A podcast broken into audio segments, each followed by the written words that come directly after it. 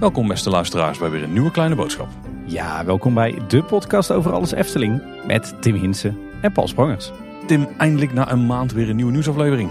Het uh, was weer even wennen. Ik moest er even de weg zoeken om uh, bij de studio van Kleine Boodschap uit te komen. Ik was trouwens heel bang dat onze accu van het opnameapparaatje was leeggelopen. Dat viel, uh, dat viel mee. Ik heb hem niet hoeven op te laden. Het is, het is lang geleden dat wij tegenover elkaar zaten, hè, achter de microfoon. Een maandje nu. Onze luisteraars hebben ons gelukkig niet hoeven te missen, want we hadden iedere week gewoon een aflevering. Maar voor ons is het weer even erin komen. Ja, sorry Tim, het was mijn schuld. Hè. Ik was op vakantie, dus we konden even geen nieuws opnemen tussendoor. Nee, jij was, jij was weer op pad met de camper, toch? Ja, flinke tour geweest. Je zal er uiteraard iets van horen in een toekomstige buitenwereld. Uh, we zijn grofweg naar het oosten gereden. Eigenlijk gewoon nou, in een strakke lijn naar het oosten. Eerst naar Berlijn. Uh, onderweg nog wat dingen gedaan. Toen door naar Polen. Uiteindelijk geland in Krakau. Toen wilden we eigenlijk terugrijden via Tsjechië. Maar Krakau was eigenlijk wel iets verder dan we hadden bedacht. En toen bleek het veel makkelijker te zijn om via Slowakije en uh, Oostenrijk terug te rijden. Ah. We zijn bijna nog een Wenen geweest. Tim. We hebben bijna jullie twee vakanties in één gedaan. Daar zijn we uiteindelijk ja. niet, niet heen gegaan. We denken dat doen we toch een keer met de trein misschien.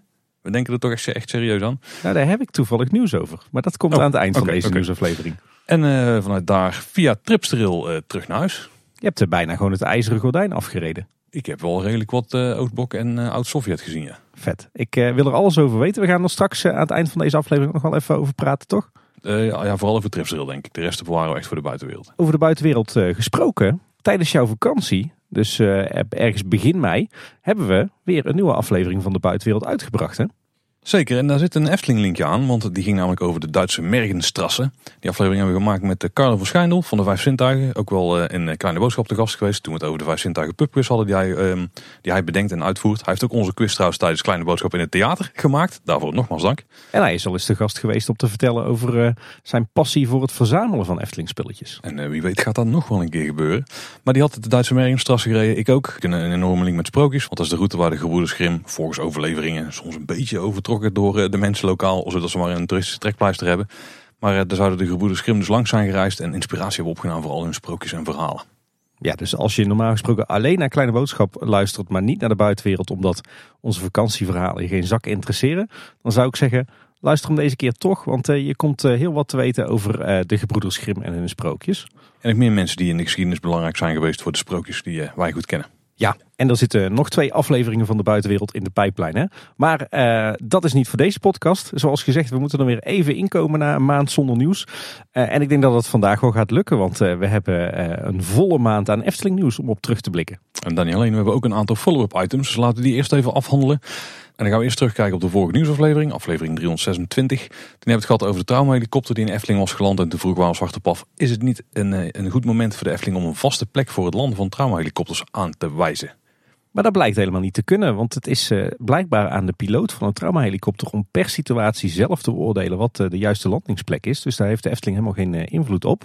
En het leuke is, we kregen deze feedback van een aantal luisteraars die allemaal redelijk dicht bij het vuur zitten. We kregen ook nog een berichtje van Femma Markenstein en die schrijft... jullie veronderstellen dat Simbad ook in Indonesië terechtkomt tijdens een van onze reizen. En die veronderstelling is juist. Dat ging over de, de BO's hè, die in uh, Kashba zitten ja, op het ja. balkonnetje. Niet dat Indonesië als zodanig wordt genoemd... maar tijdens de zevende reis van Simbad spoelt hij aan op een eiland waar sandelhout van groot belang is. Sandelhout-eiland was vroeger de bijnaam van Sumba, een van de Indonesische eilanden... waar inderdaad veel kostbare sandelhouten bomen groeien. Kijk, dus Simbad is wel degelijk in Indonesië geweest. Ja, ja. Tof. Femma is volgens mij uh, uh, de, een van de sprookjeskenners onder onze luisteraars. Ja, die stuurt regelmatig toffe feedback. Ja. Ook wel een boek gespot op Sander uh, de Bruinse werkplek in de YouTube-video over het Anton Pieckplein. Het boek Niels Holgerssons Wonderbare Reizen van Selma Lagerluf. Goed hè? Lagerluf. Lagerluf. Geïllustreerd Anton Pieck. Dat was natuurlijk voor ons een haakje. Ja, want we dachten, uh, heeft Sander dit boek misschien liggen omdat hij uh, daar inspiratie uit wil opdoen voor het interieur van het uh, Efteling Grand Hotel. Maar toen heeft Carlo waarschijnlijk dezelfde die ook in de buitenwereld 12 zit, dus ons alle foto's toegestuurd die in het boek stonden van Piek. Maar geen van die foto's is echt inspiratie of zou kunnen dienen als inspiratie voor het hotel, hè? Nee, nee, niet echt, nee. Misschien wel voor een nieuwe attractie of misschien voor een nieuwe invulling van de reisrijkuitbreiding. Oeh.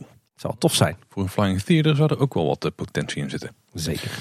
En dan nog wat korte puntjes over onze vorige aflevering, aflevering 330. Onze ode aan het spookslot. Ja, was voor ons eigenlijk ja, bijna een beetje een niemendalletje om te maken. Wij dachten van, oh ja, dat doen we ook nog even terugblikken uh, op het spookslot en onze herinnering eraan. Maar we kregen er eigenlijk verrassend veel uh, super enthousiaste reacties op. Dus blijkbaar maakte die aflevering toch heel veel los. En ook heel veel mooie persoonlijke herinneringen van luisteraars. Dus ontzettend veel dank voor al jullie reacties. Van Tim van Ooyen kreeg een berichtje over de deur die aan de buitenkant van de toren zou zitten. Want het plattegrondje wat in het boek staat over het spookslot, daar lijkt het op dat dat deurtje uitkomt achter de Oosterse geest. Um, maar Tim van Ooyen die schrijft dus dat het erop lijkt dat het deurtje onder in de toren juist uitkwam in de kelder onder de Vlederikenzaal. Want het 3D-model wat recent is gelekt, daar eh, blijkt dat uit. Ja, alleen over dat 3D-model hadden wij natuurlijk nog niet de beschikking toen wij die aflevering opnamen. Daar hadden wij nog niet eens van gehoord, Tim. Of NFT's was toen nog een onbekende term voor jou, hoop ik. Uh, absoluut. dat is één ding wat zeker is.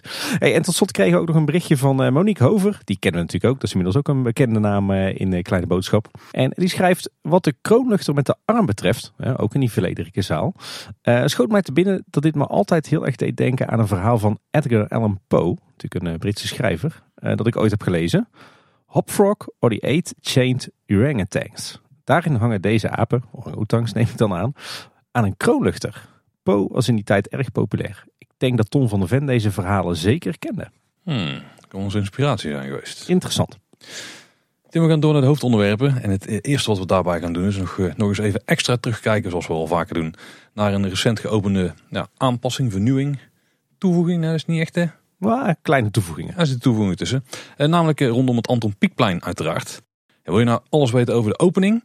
Dan kun je het best onze bonusaflevering luisteren die we erover hebben uitgebracht. Aflevering 327. Waarbij we ook een aantal interviews mochten doen met mensen die daar uh, iets mee te maken hadden.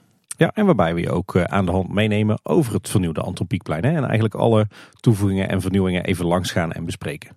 Misschien goed om nog even stil te staan bij de kleurwedstrijd die toen was aangekondigd. Er was tijdens de opening in ieder geval meer van dan een paar woorden die Sander de Bruin erover sprak. Zou je daar nog aan willen meedoen, of de kinderen of kinderen die je kent, dan moet je er wel vlug bij zijn. Want deelnemen kan uiterlijk tot 17 mei.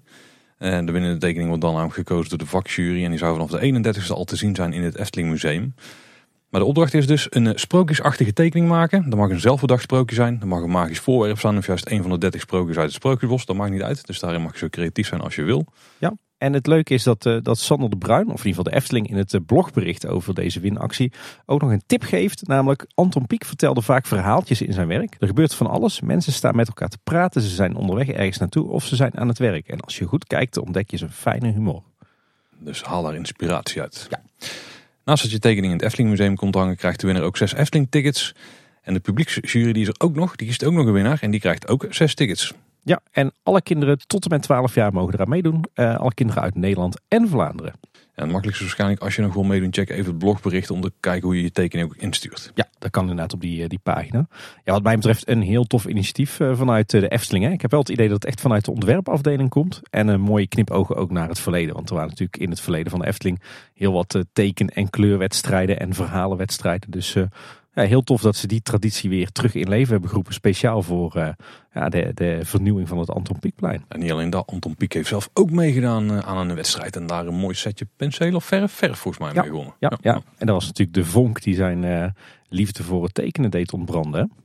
Ja, zoals we al zeiden, een aantal dingen die hebben we nog geleerd nadat de opening heeft plaatsgevonden. Dat is wel vaker hè. We hebben een openingsdag waar bepaalde dingen plaatsvinden. Maar sommige dingen daarvan die blijven niet. Maar er komen ook nog vaak al wat dingen bij. Ja, en hier hadden we natuurlijk de handicap dat uh, eigenlijk kort nadat uh, de opening had plaatsgevonden, dat uh, hebben, we snel nog even die bonusaflevering online geslingerd en toen ging je al op vakantie. En inmiddels zijn we, ja, het zal het zijn, drie, vier weken verder. Dus is er heel wat gebeurd nog op het Anton Pieckplein en heel wat duidelijk geworden. En dat geldt bijvoorbeeld voor het putje van Assisi. Het, eh, het, het, putje wat eh, ooit getekend is door Anton Pieck en eh, wat nog bij het Anton Pieck Museum staat. Sander de Bruin die vertelt daar in het interview over dat wij met hem hadden. Dat het er nog heel erg om hing of de gemeente akkoord zou gaan met de plaatsing van de put van Assisi. En wij keken elkaar toen aan en dachten van ja, wat kan de gemeente Loon op Zand nou op tegen hebben? Maar de vork zit net iets anders in de stil, weten we inmiddels. Want wat blijkt, het is de gemeente Hattem die nou, dwars ligt, zal ik het zo maar even uitdrukken. Uh, want voor de gemeente Hattem heeft het eh, putje eh, cultuurhistorische waarde. En zij zijn nog aan het onderzoeken of het de put wel zomaar verplaatst kan worden. En hopelijk is er voor eind 2023 uitsluitsel. Dus dat, dat duurt nog even. Ik vind het wel een raar verhaal, want het putje is daar destijds opgemetseld. Toen het Antropiek Museum in dat oude pand trok. Dus ja, hoe origineel is het eigenlijk? Het is eigenlijk gewoon een decorelement. Eigenlijk wel, ja. gemeentestim. Ja, nou ja, het raar is natuurlijk dat het putje waar het nu staat in die binnentuin van Museum Voermans, dat ook niemand het meer kan zien. Nee. Dus waarom zou je het daar laten staan? Maar goed, laten we hopen dat het eh, na de Efteling kan komen. Ook wel bijzonder is dat de tijdelijke expositie over het werk van Anton Pieck, die dus nu in het Efteling Museum te zien is, dat die minstens twee jaar gaat blijven staan. Best lang. Ja, inderdaad. En er waren ook meerdere luisteraars, en wij zelf trouwens ook, die zich afvroegen eh, of de act van het ballonnenvrouwtje, er liep natuurlijk een eh, actrice verkleed als het ballonnenvrouwtje over het Antropiekplein tijdens de opening, of dat die act misschien blijvend zou zijn. Maar eh, inmiddels hebben we opheldering, die act die was helaas eenmalig. Alhoewel je bij de Efteling natuurlijk nooit weet wanneer zoiets terugkomt. En eh, er zijn ook wat luisteraars die hebben nagevraagd of het, eh, het eh, originele beeld van het ballonnenvrouwtje, wat nu weer eh, voor de maskamer staat, of dat het nog wordt opgeknapt en eventueel verplaatst. Maar dat is niet het geval. Voorlopig krijgt ze nog geen schilderbeurt. En ze blijft ook staan waar ze staat. Ja, en dan over de poppenkast, Tim. Ben jij nog gaan kijken trouwens? Ik heb nog tot drie keer toe een, een nieuwe show gezien. Wow, Ja. tot drie keer? Ja, ja, ik vind de poppenkast echt een verborgen juweeltje. Qua, qua ruimte, maar ook qua showtje, qua muziek, qua, qua poppen. Het is echt, echt een juweeltje. Ja, het probleem is natuurlijk wel de capaciteit, die is beperkt. 35 personen per show. Dat houdt het natuurlijk wel eh, lekker knus. En ik moet zeggen, ik heb ook niet heel erg de indruk dat het nou tot op heden al echt voor grote problemen heeft geleid. Meestal kunnen de mensen die er interesse in hebben toch wel binnen. En ja, ik kan, me nou niet, kan nou niet zeggen dat er nou heel vaak lange rijen staan van mensen die dan vervolgens teleurgesteld afdruipen. Ja, volgens mij hebben ze wel de frequentie flink opgevoerd. Want de eerste dagen wa- was het volgens mij zo dat je dan over een vrij lange periode ieder uur een showtje had. Ja. Maar nu is het zo dat je vanaf, eh, want dan kun je ook in de Efteling app inmiddels zien, dat je vanaf kwart over twee tot en met kwart voor zes ieder half uur een showtje hebt. Let wel even goed op de app, want eh, ik heb al eh, een aantal keer ervaren dat er zo nu en dan een showtje uitvalt. onaangekondigd. Dus ja, je moet echt even de, de Efteling app goed in de gaten houden voor de actuele showtijden. De poppenkast, en dat is geen verrassing denk ik, maar die is eh, behoorlijk populair. hè? Even een tip eh, op basis van mijn ervaringen de afgelopen weken. Ehm, wil je de voorstelling echt zien en je wilt eh, eh, niet bedrogen uitkomen, sluit dan ongeveer een half uur voor aanvang van de voorstelling die je wilt bezoeken aan in de rij. Dus dat is eigenlijk zo'n beetje op het moment dat de voorstelling die voor de voorstelling die jij wilt bezoeken is begonnen, gaat beginnen. Eh, ze hebben nu eh, namelijk voor de poppenkast een vak gemaakt dat ze hebben afgezet met, eh, met touwen.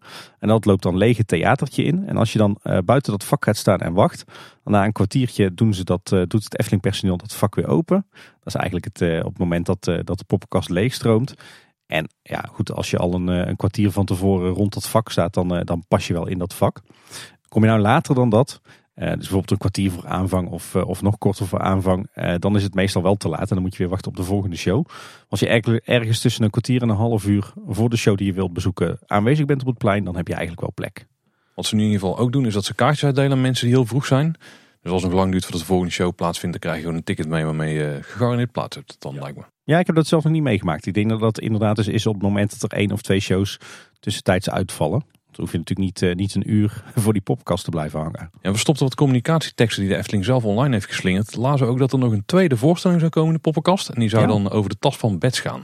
Ja, en voor de kenner is dat eh, geen nieuw verhaal, want dat eh, verwijst natuurlijk naar het achtergrondverhaal van het Efteling Museum. Waar Toon en Bets een rol in spelen. Een origineel verhaal van Robert Jaap Jansen. Ik ben heel benieuwd wat ze daar voor poppenkastverhaal van hebben gemaakt. En Erwin Scheper wees ons nog op een eh, tof feitje. Want het schattige liedje in de poppenkastvoorstelling is dus geen nieuw liedje. Maar het is een oud liedje afkomstig van de LP Sprookjes van de Efteling deel 7. En dat is eh, toevallig ook de LP waar het sprookje van het ballonnenvrouwtje op staat. En eh, onderdeel van dat sprookje is dus dat liedje. En het, het geheel is ook gewoon te luisteren op Spotify trouwens op dit moment.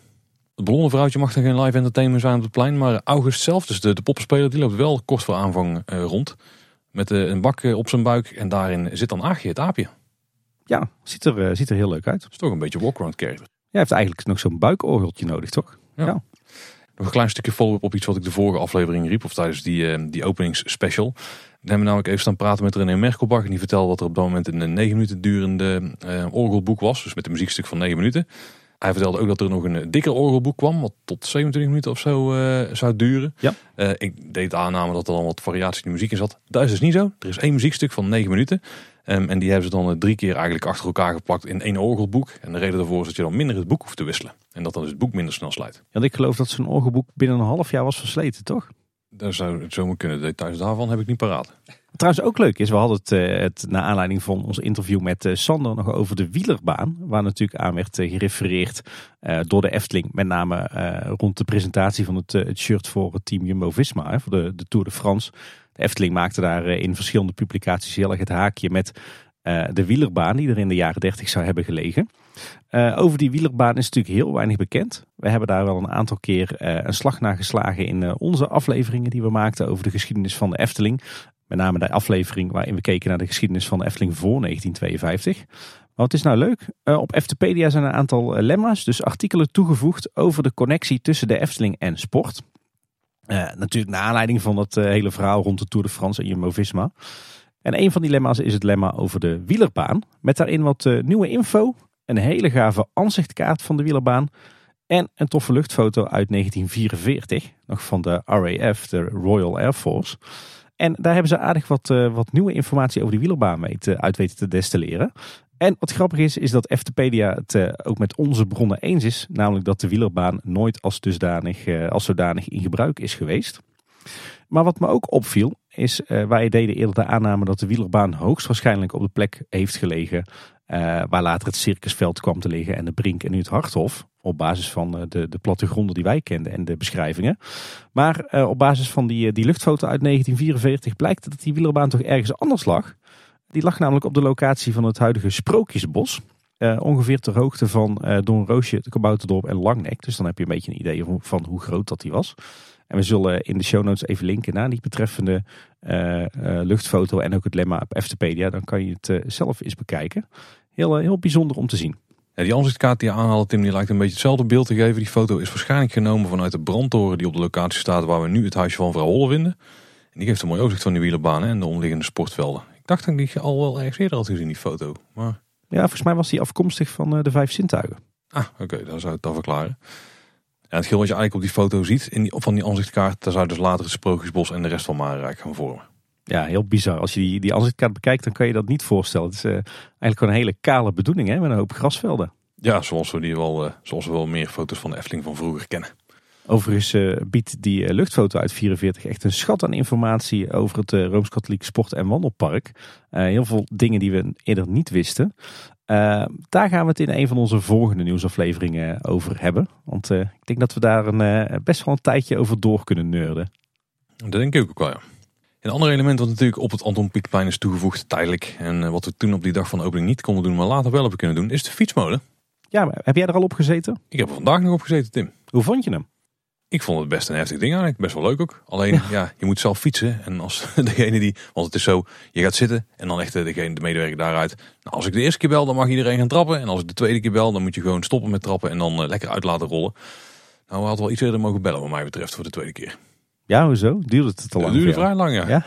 ik moest nog heel lang naar de Efteling show. Ik denk, uh, doe eens met de belken rinkelen, kerel. Ja. dat deed hij. Ah, ik vind die fietsmolen echt een machtig mooi apparaat. Ik heb er inmiddels ook een keer of vijf opgezeten. Echt een lomp ding. Gaat stiekem best wel hard als je met een aantal uh, uh, enthousiaste volwassenen erop zit het is ook zo'n heerlijk authentiek apparaat. Hè? Lekker uh, hout en ijzer en uh, maakt lekker veel lawaai en lekker uh, hobbelig. Ja, heerlijk. En wat wel mooi is, als je flink loopt te trappen, dan merk je dat hij af en toe een beetje van de rails afkomt met, met jouw wiel. En dan schiet je even door, zeg maar. Ja, hij slipt, hij slipt lekker door op dat, dat ijzeren baantje, ja. ja. Ja, als je het mij vraagt, ze hebben hem nu natuurlijk gehuurd tot eind augustus. Maar wat mij betreft kopen ze hem gewoon aan. Hoor. Het is toch een, een heerlijk apparaat. Ik vind het ook wel tof dat je hier eh, weer echt lekker actief bezig bent. Het is ook echt, echt een groepsactiviteit, weet je wel. En dan zo'n zo'n unieke, authentieke molen uit begin 20e eeuw. Ja, die moeten gewoon terug in de Efteling komen te staan. Je hebt trouwens wel een paar luie plekken, zag ik. Want er zijn een paar plekken waar de trappers eh, niet aan de wielen zitten. Dus dan heb je alleen maar wat stang om je voet op te zetten. ja, klopt. Ja, ik hoop iedere keer dat ik daar dan net niet terecht kom. Want ik wil wel trappen natuurlijk. Nou, dat was vandaag geen probleem. Want je kon gewoon kiezen waar je ging zitten. Um, misschien wel goed om te weten. Ik, ik vond hem helemaal niet zo onveilig voelen of zo. Nee. Ja, ik kan me voorstellen als je eraf eh, dondert en uh, het gaat allemaal rond. Er zitten een paar van die uitstekende dingen of zo. Ja, dat moet je natuurlijk niet hebben. Nou, ik denk dat het probleem zit dan volgens mij met name bij die wielen. Er zitten nu natuurlijk, zijn de wielen afgeschermd met een soort kippengaas. En volgens mij was dat in de vroegere versie niet. En dan als je natuurlijk op, op zo'n rijdende molen zit en je komt met een voetje of een beentje tussen zo'n uh, zo'n ijzeren wiel. Ja, dat is niet fijn. Maar zou het ook niet zo zijn geweest bij de oude versie dat de trappers gewoon direct vast zaten aan de wielen. En dat als het wiel draait, dat de trapper dan ook draait. Want dat is nu niet. Dus je kunt ook niet terugtrappen, zeg maar, want dan, dan draait hij gewoon door. Eh, Als in dan, dan kun je gewoon vrij achteruit trappen. Alleen als je vooruit trapt, dan haakt die aan. Misschien is het ook wel aangepast. Want da- daardoor is het ook een stuk veiliger. Als dat zou het draaien altijd, zeg maar, dan kan ik me best voorstellen als je van die trapper afschiet, dat dat niet heel, eh, heel prettig is. Nou, ik heb toch liever een trapper in mijn kuit dan dat ik met mijn voet tussen zo'n eh, draaiend wiel zit. Ja, absoluut. Maar goed, dat probleem heb je nu niet. Het viel me trouwens ook op dat er wel degelijk ook een elektrische aandrijving aanwezig is Ja. van de fietsmolen. Er staat een, eh, een elektromotortje eigenlijk op de plek waar het personeel staat. En er is ook een, eh, een as die verbonden is aan zeg maar, de houten loopplank eh, die langs, eh, langs de fietsjes loopt. En die as die kunnen ze volgens mij tegen die loopplank aanzetten en dan, eh, dan heb je een soort aandrijving. Alleen de veesnaar tussen de elektromotor en die as die hebben ze weggehaald. Dus daardoor werkt die nu niet. ik heb het ook zien zitten, maar ik vraag me af of dat hij het geheel in beweging krijgt. Hoor, want er is best wel wat kracht voor nodig. Ik vraag het me ook af, ja. Je ziet ook af en toe dat, dat als er maar bijna geen volwassenen op zitten, alleen maar kinderen, dat personeel ook echt even een paar rondjes mee moet rennen. Ja, ik zou zeggen, als je een Efteling bent, ga zeker dit ding even doen. Dit wil je gewoon een keer meegemaakt hebben. Al doe je het maar één keer. Kun je in ieder geval zeggen dat je op die molen hebt gezeten. En het is echt wel heel tof. Ja, het is een machtig mooi apparaat en super nostalgisch. En ja, wat mij betreft eh, zetten ze hem permanent in de Efteling neer. Dan wel even met wat andere lampjes en misschien nog een keer een extra schilderbeurtje. Maar eh, ja, wat mij betreft past deze perfect op het Anton Pieckplein. Hey, is ons eh, eindoordeel nog veranderd ten opzichte van de, de officiële opening?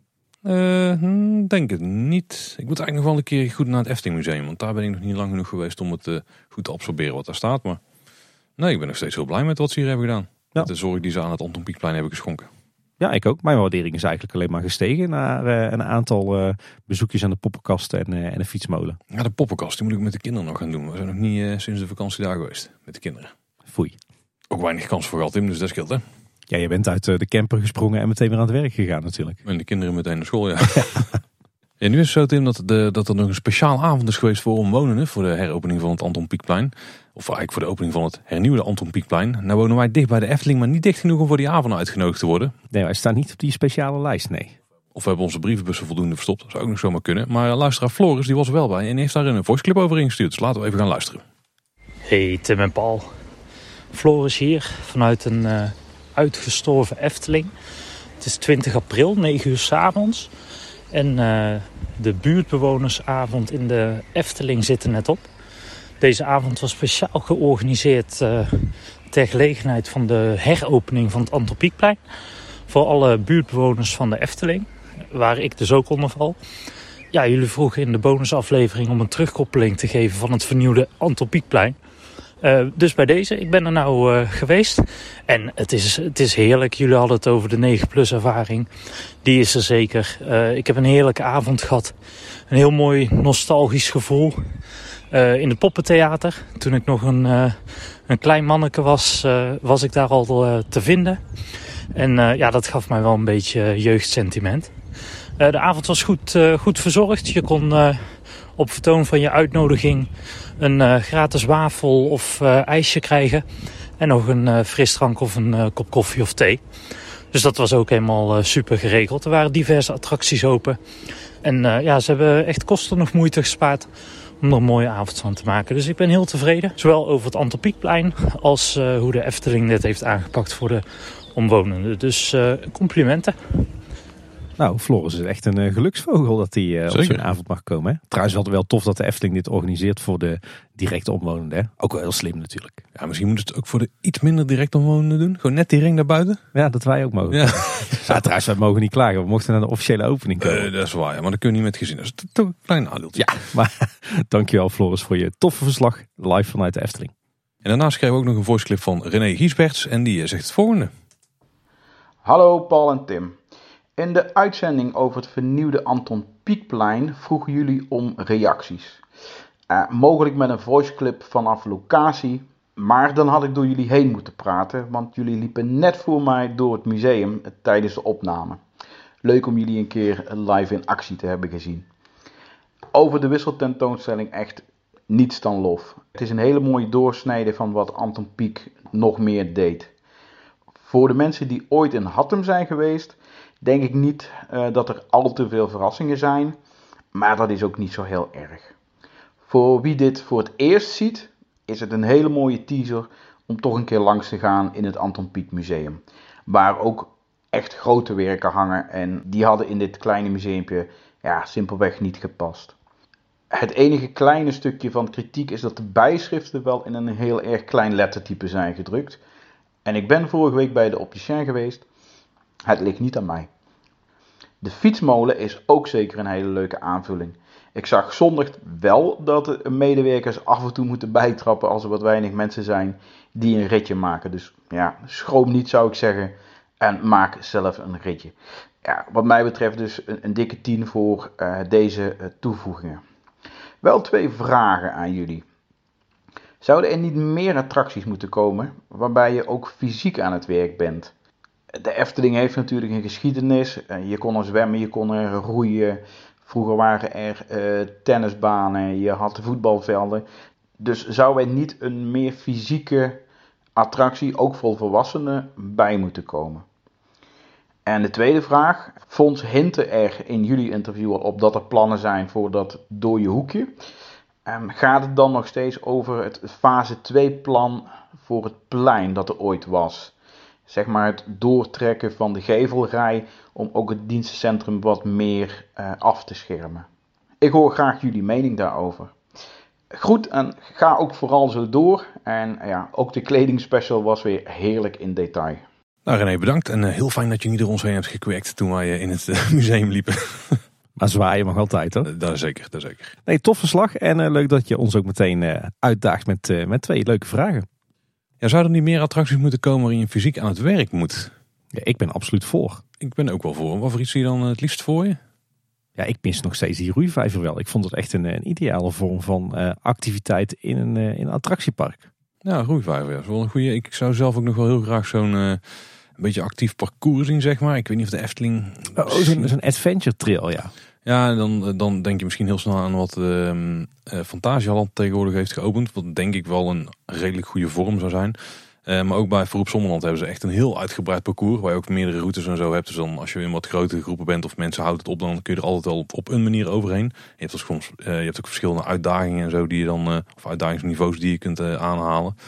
Daar is het wel redelijk ja, stadspark achtig, zeg maar. Met soms wat meer gethematiseerde, uh, veilig afgewerkte toestellen, zeg maar. Uh, op andere plekken wat minder.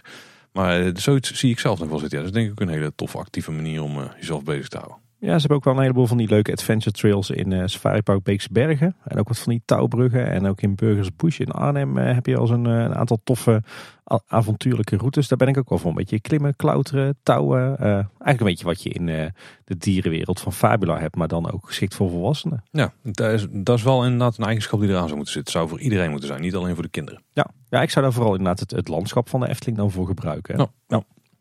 Ja, en dan het, het dode hoekje, zo gezegd. Dat is inderdaad ja, wat ooit uh, bedoeld was als fase 2 van het Anton Pieckplein. En daar zou onder meer uh, volgens mij een toiletgroep komen en ook een beetje een uh, cafeetje of een herberg. ja, daar bevroegen wij fondsen inderdaad op. Maar daar lijkt voorlopig dus niks te gebeuren. Want wat hebben wij daarvoor gedacht dus over Paul? Zonder dat we daar een half uur over gaan armchair imagineren. Nou ja, kijk, in het alleroptimaalste geval zou ik hopen dat ze er een deel van het dienstencentrum bijnemen. En wat mij betreft daar in de dark ride van formaat toch wel zouden plaatsen kost wel bouwoppervlak, dus er zal wel wat meer verhuis, verhuisactiviteit nodig voor zijn voor dat echt zou kunnen. En dan zou daar een beetje het voorplein dan van kunnen zijn met een klassiek piekschevelrijtje achter dan een ja. uh, showgebouw zou liggen. Maar dat is wel echt de, de, de, de meest optimale vorm wat mij betreft. Misschien niet de meest realistische. Nee, nou, ik moet zeggen, ik heb altijd wel wat, wat, wat ingezien om in die uh, hoek iets te doen uh, rond het verhaal van, het, van de laven. Bijvoorbeeld een mini dark ride rond ja, eigenlijk de, de geschiedenis van de laven die vanaf de Noordpool naar uh, Brabant trokken, naar de Efteling trokken. Uh, als je daar wat gaat doen qua attractiviteit, dan zal het toch indoor zijn in verband met geluidsoverlast naar, uh, naar het dorp Kaatsheuvel, de Prinsessenbuurt. Dus die droptorentjes die daar gepland stonden, die zie ik daar niet komen, tenzij indoor. maar de vraag is even of dat realistisch is qua, qua oppervlak. Misschien dat het ook wel gewoon een uitbreiding kan zijn van het Anton Met nog één of twee molentjes en wat extra horeca en het, uh, die vurig gewenste toiletgroep. Nou, ik denk dat je er wel een beetje weg moet blijven met hoog materieel richting het uh, lavelaar. Dus dan zou je toch iets meer richting het dienstencentrum moeten plaatsen. Of in ieder geval er wel ruimte tussen houden. Maar ik denk dat je wel, eigenlijk moet je dat plein een beetje wegwerken. Hoor. Want ik denk dat als je het ver naar achter gaat houden, zeg maar. Of je maakt mhm. het echt een uitlopen van het land op Piekplein. Wat het al een beetje is eigenlijk. Ik denk dat je niet zoveel mensen heen gaat trekken. Nee, nee je moet daar eigenlijk dan wel een weenie hebben die mensen trekt. Hè? Ja, ja, Weet je wat leuk is op die plek? Van alles Tim, maar eh, roep, roep jouw plan. Traptreintjes. Geniaal plan. Ja, ja, ja, sorry, dat was een inkoppertje. Of, zullen we- of van die, van die spellen dat je met water bijvoorbeeld ballen omhoog zo'n parcoursje Nee, nee, nee, ik weet het. Zwembad. Oeh, maar dan niet te groot hè? En met een olifant erbij. Wel iets van een dier inderdaad. Ja, ja, Ja, ja. Nou, ik denk dat we nog wel een aflevering van een uurtje kunnen vullen met eh, onze plannen voor dit hoekje. Maar dat eh, gaan we nu natuurlijk niet doen, want we hebben nog giga veel Efteling nieuws. Ja, zoals over Dans Macabre, Tim. Ja, lastig te volgen natuurlijk, die bouwactiviteiten. Zou je denken. Maar gelukkig hebben we een eigen, onze eigen bioreconstruct hè, bij Kleine Boodschap. Ja, voor zolang het nog gaat duren. Want eh, we hebben natuurlijk dronepiloot Nick en die stuurt als af en toe zijn drone de lucht in. En dan maakt hij foto's van de plannen, maar wat viel me op op de allerlaatste foto's. Er komt blad aan de bomen. ja, dan zie je ineens weinig meer van de Ja, bouwplaats van dat is een beetje jammer. Ja, eh, Nick heeft eh, ook deze keer wat prachtige luchtfoto's eh, en zelfs een video van zijn drone gepubliceerd op Twitter. We zullen even wat linkjes in de show notes zetten. Maar daar hebben we gretig gebruik van gemaakt om ja, in beeld te krijgen wat er nou allemaal gebeurd is op de bouwplaats van Dans Macabre. En dan moet ik wel zeggen, Tim, dat ik toch, ondanks dat we redelijk goed fotomateriaal hebben, het lastig vind om te volgen wat ze nu precies hebben gedaan. Want als ik het goed heb, hebben ze de keldervloer gestort. En dan een stuk omhoog gewerkt totdat ze eigenlijk aan de begane grond, eh, op begane grondniveau zitten. En daar dan de, be- eh, de betonvloer overheen gestort. Daar hebben we het de vorige keer over gehad. Die, held, die, die steekt een beetje over over die kelder, zeg maar. Ja. Eh, zwevend, dus zonder ondersteuning verder aan de, ja, direct rondom die ring die dan open blijft. Maar dat is alles, hè. Dus eigenlijk wat we nu zien, zeg maar tot de begane grond daaronder, daar zit dus de techniek. Dus de techniek onder het platform. Dus daar gaan we als mensen of als bezoeker nooit komen. Nou, inmiddels is er wel heel wat meer gebeurd hoor, in de afgelopen weken. Ja, vooral de afgelopen dagen inderdaad. Maar Ja. dat, is, eh, dat is wat er nu aan vloer, zeg maar, is. Aan, aan, aan horizontale oppervlaktes is gestort. Nou ja, waar je op doelt, Paul, is dat in eerste instantie hadden ze eigenlijk alleen eh, een, een klein stukje begane grondvloer op die kelder gestort, inderdaad, en eraan gestort. Maar inmiddels eh, hebben ze de hele begane grondvloer van het gebouw gestort. Dus die is een stuk groter in doorsnee inmiddels. En daarbij lijkt het erop dat ze niet alleen de vloer hebben gemaakt van, eh, van de hoofdshow, maar ook eh, de gaanderij of de rondgang die daar, eh, daar dadelijk omheen komt te lopen. En ze hebben hem echt helemaal zeg maar, afgerond tot aan de buitengevel. Je ziet ook dat ze hier en daar wat, eh, wat, ja, wat, wat aanstorting hebben gemaakt aan die begane grondvloer. Waar straks de steunberen van de abdij op, op kunnen worden gebouwd. Als je er eh, goed naar kijkt, dan, eh, dan zie je echt dat dat eh, overeenkomt qua afmetingen en qua onderlinge afstand. En we zien ook dat er flinke stekken zijn geplaatst, zeg maar van die grote ijzeren pinnen die uit het beton steken. En dat lijkt er een beetje op te wijzen dat we straks, dat straks de buitengevel van het gebouw dat die met, met prefab beton wordt gemaakt. Dus van die grote gevels die al kant en klaar worden aangevoerd. En daarover gesproken, eh, ze zijn ook al begonnen met de betonwanden op de begane grond. Maar dat zijn dus niet de buitenmuren, waar we straks tegenaan kijken. Ehm, maar het zijn eigenlijk een soort tussenmuren die ongeveer op de hoogte staan van de keldermuren. Dus waarschijnlijk is dat de, de wand tussen de hoofdshow, waar we straks natuurlijk in onze kerkbank zitten, en die omloop, waar ze nu ook de vloer van hebben gestort.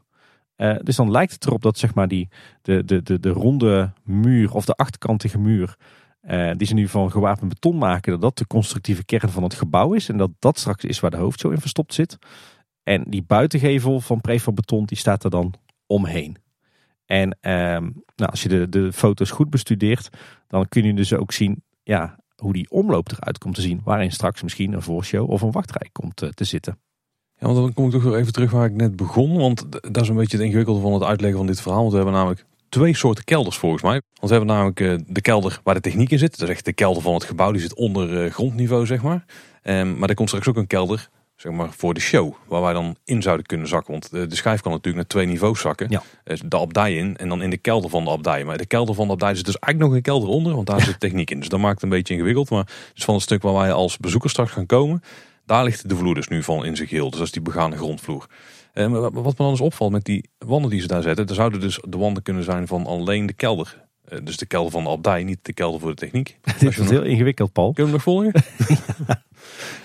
Die staan voor mijn gevoel nog vrij dicht bij die schijf. Al kan het nog verder dichtgewerkt worden. Steekt nog wat hout uit en zo. Waar ze de schijf eh, eventueel beter op kunnen laten aansluiten. Misschien gewoon met hout of metalen panelen of zo. Maar vind je ook niet dat die wanden vrij dicht nog bij die schijf lijken te staan? Die we nu in ieder geval zien? Ja, ik snap wat je bedoelt inderdaad. Het heeft ook een soort voordeel, want er is dan meer ruimte voor voorshows, techniekruimtes of net wat er dan ook nodig is. Misschien dat hier nog wat backstage eh, ruimtes voor, de, voor het personeel gaan komen. Nou ja, waar ik benu- vooral benieuwd naar ben, is. ehm, hè, want als je de impressie zag eh, die gepubliceerd is door de Efteling. ehm, dan dacht ik, er komt een soort eh, achterwand, een soort constructieve achterwand. En daar bouwen ze een decor voor. Ja. En dus die betonnen wand die ze nu aan het storten zijn, die, die grote dikke wand, ja, dat zou dan die achterwand moeten zijn, maar dus nog een soort decormuurtje voor wordt gemaakt. Als die er ook nog voorkomt, dan blijft er dus nog minder over. Nou, het is nog een klein beetje koffiedik kijken Ja. natuurlijk, op basis van wat we buiten zien. Wat trouwens wel leuk is, is dat je, dat je, als je heel goed kijkt, wel wat elementen kunt zien van die omloop die er blijkbaar gaat komen. Hè, wat dan misschien die binnenmeandering wordt. Daar zijn ze nu namelijk eh, ronde kolommen aan het maken. Eh, die gaan ze ook van gewapend beton maken. En als je al een beetje door je ooghaartjes kijkt, dan voelt dat bijna als een soort, een soort gaanderij, een soort kloostergang. Weet je wel? Ze zullen die, eh, die kolommen, die ronde kolommen ook nog wel mooi aankleden. En als je goed kijkt kun je ook in die omloop en ook op de plek van de, de toekomstige buitengevel al wat uh, kalkzandsteen metselwerk zien op de vloer. En dan zie je bijvoorbeeld op één plek ook een soort ja, spievormig stukje metselwerk. hè, Een soort V-vorm die haaks op de buitenwand staat. Het lijkt er bijna op alsof ze daar die omloop gaan versmallen tot bijvoorbeeld een smalle deurgang of een deuropening of zo. Dus heel langzaam maar zeker komt er al wel wat voorbereidingen op decor in die ruimte te staan. Maar het is natuurlijk ook wel de ruimte, of het deel van het gebouw waarin straks ehm de souvenirwinkel komt. Ja, maar daar lijkt het me hier dan juist weer een beetje te smal voor. Ja, hè? Dus ik ben nog heel benieuwd hoe dit van binnen er allemaal uit gaat zien. Ik hoop dat we een beetje kunnen blijven volgen, ondanks al het blad wat er eh, verschijnt aan de bomen. Gelukkig hebben we ook nog heel veel begaafde fotografen die gewoon vanaf de grond hun werk doen. Ja, zeker. zeker. En dan kunnen we straks natuurlijk wel meer zien nu het echt de lucht in gaat. Je had nog wat anders interessants gezien eh, toen er nog geen blad aan de boom zat, hè? Ja, het gebouw heeft een aantal van die vierkante aanhangsels, om het zo maar te noemen. En op kelderniveau, dus echt in de kelder voor de techniekdelen, zitten nu in ieder geval wat deuren. Dus daar zul je straks, denk ik, eh, die ruimtes mee in en uit kunnen. Je hebt ook het blok aan de eh, noordzijde, dus aan de kant van de Pardoespromenade. Er zit ook een grote opening aan de bovenkant. Dus er zal een trap of zo naar beneden komen. Denk toch ook voor techniek of zo dan daar. Want dan lijkt het, de blok zelf lijkt verder geen in- en uitgang te hebben. Tenzij ze naar de rand inslijven. Maar dat lijkt me zeer sterk met al het dikke beton als ze daar hebben gegoten. Dus ik vermoed dat dat toch in ieder geval ons deel daarvan dat dat voor eh, de toegang is door, eh, nou, door de technicus. Maar het blijft gissen.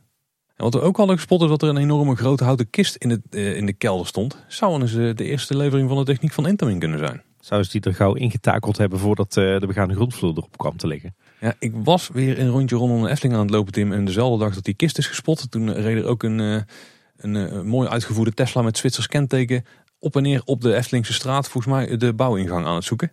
Dus er zou wel eens een verband tussen kunnen zitten. Ja, precies. Wat, zou- wat zou erin zitten? De eerste staalconstructie, misschien de, de grote cilinders die eh, dat platform moeten gaan bewegen. Ja, die hebben we nog niet gezien, dus ik weet het ook niet. Misschien een aantal mallen of zo voor eh, plaatsing van bepaalde zaken. Dat is een flinke kist in ieder geval. Hey, ze zijn, eh, terwijl dat ze nog druk bezig zijn met eh, beton en staal, ook al bezig met, eh, met decoratieschilderwerk. Want we hadden het er al eerder over dat ze nog wat stukken metselwerk opgemetseld hebben op de oude toren van het spookslot. Of eigenlijk het, het stukje wat ervan is blijven staan. Is, was ook al netjes gestuukt en inmiddels hebben ze dat zelfs al ingeschaduwd. Dus dat is al gewoon helemaal klaar.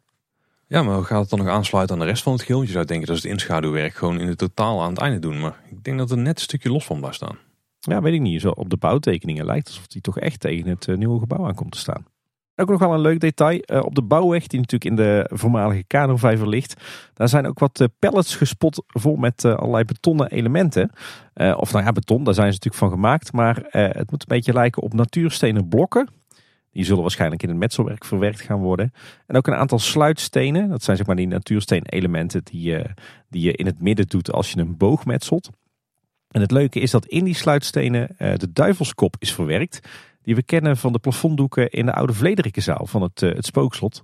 Ontzettend gaaf detail. Iets wat we natuurlijk ook kennen van de sluitstenen in eh, Bekkerij Krumel. Hè. Daar zitten die graanhalmen met, met bladgoud op de sluitstenen. Dus ik denk dat we toch wel het, de conclusie kunnen trekken, al voorzichtig aan, dat we in Dans Macabre hetzelfde detailniveau gaan krijgen als in Bekkerij Krumel. Ontzettend vet. En denk ik een, een voorteken dat er toch binnenkort al wel gestart gaat worden met het opmetselen van eh, decoratieve muren. Ja, want het grootste deel van de buitendecoratie van eh, de Zwarte Kat en de Laatste Hoop, die zit er al tegenaan. Dus Ja, daar zal zeker. dit niet voor zijn. Dit eh, was echt voor Dans Macabre zelf, ja.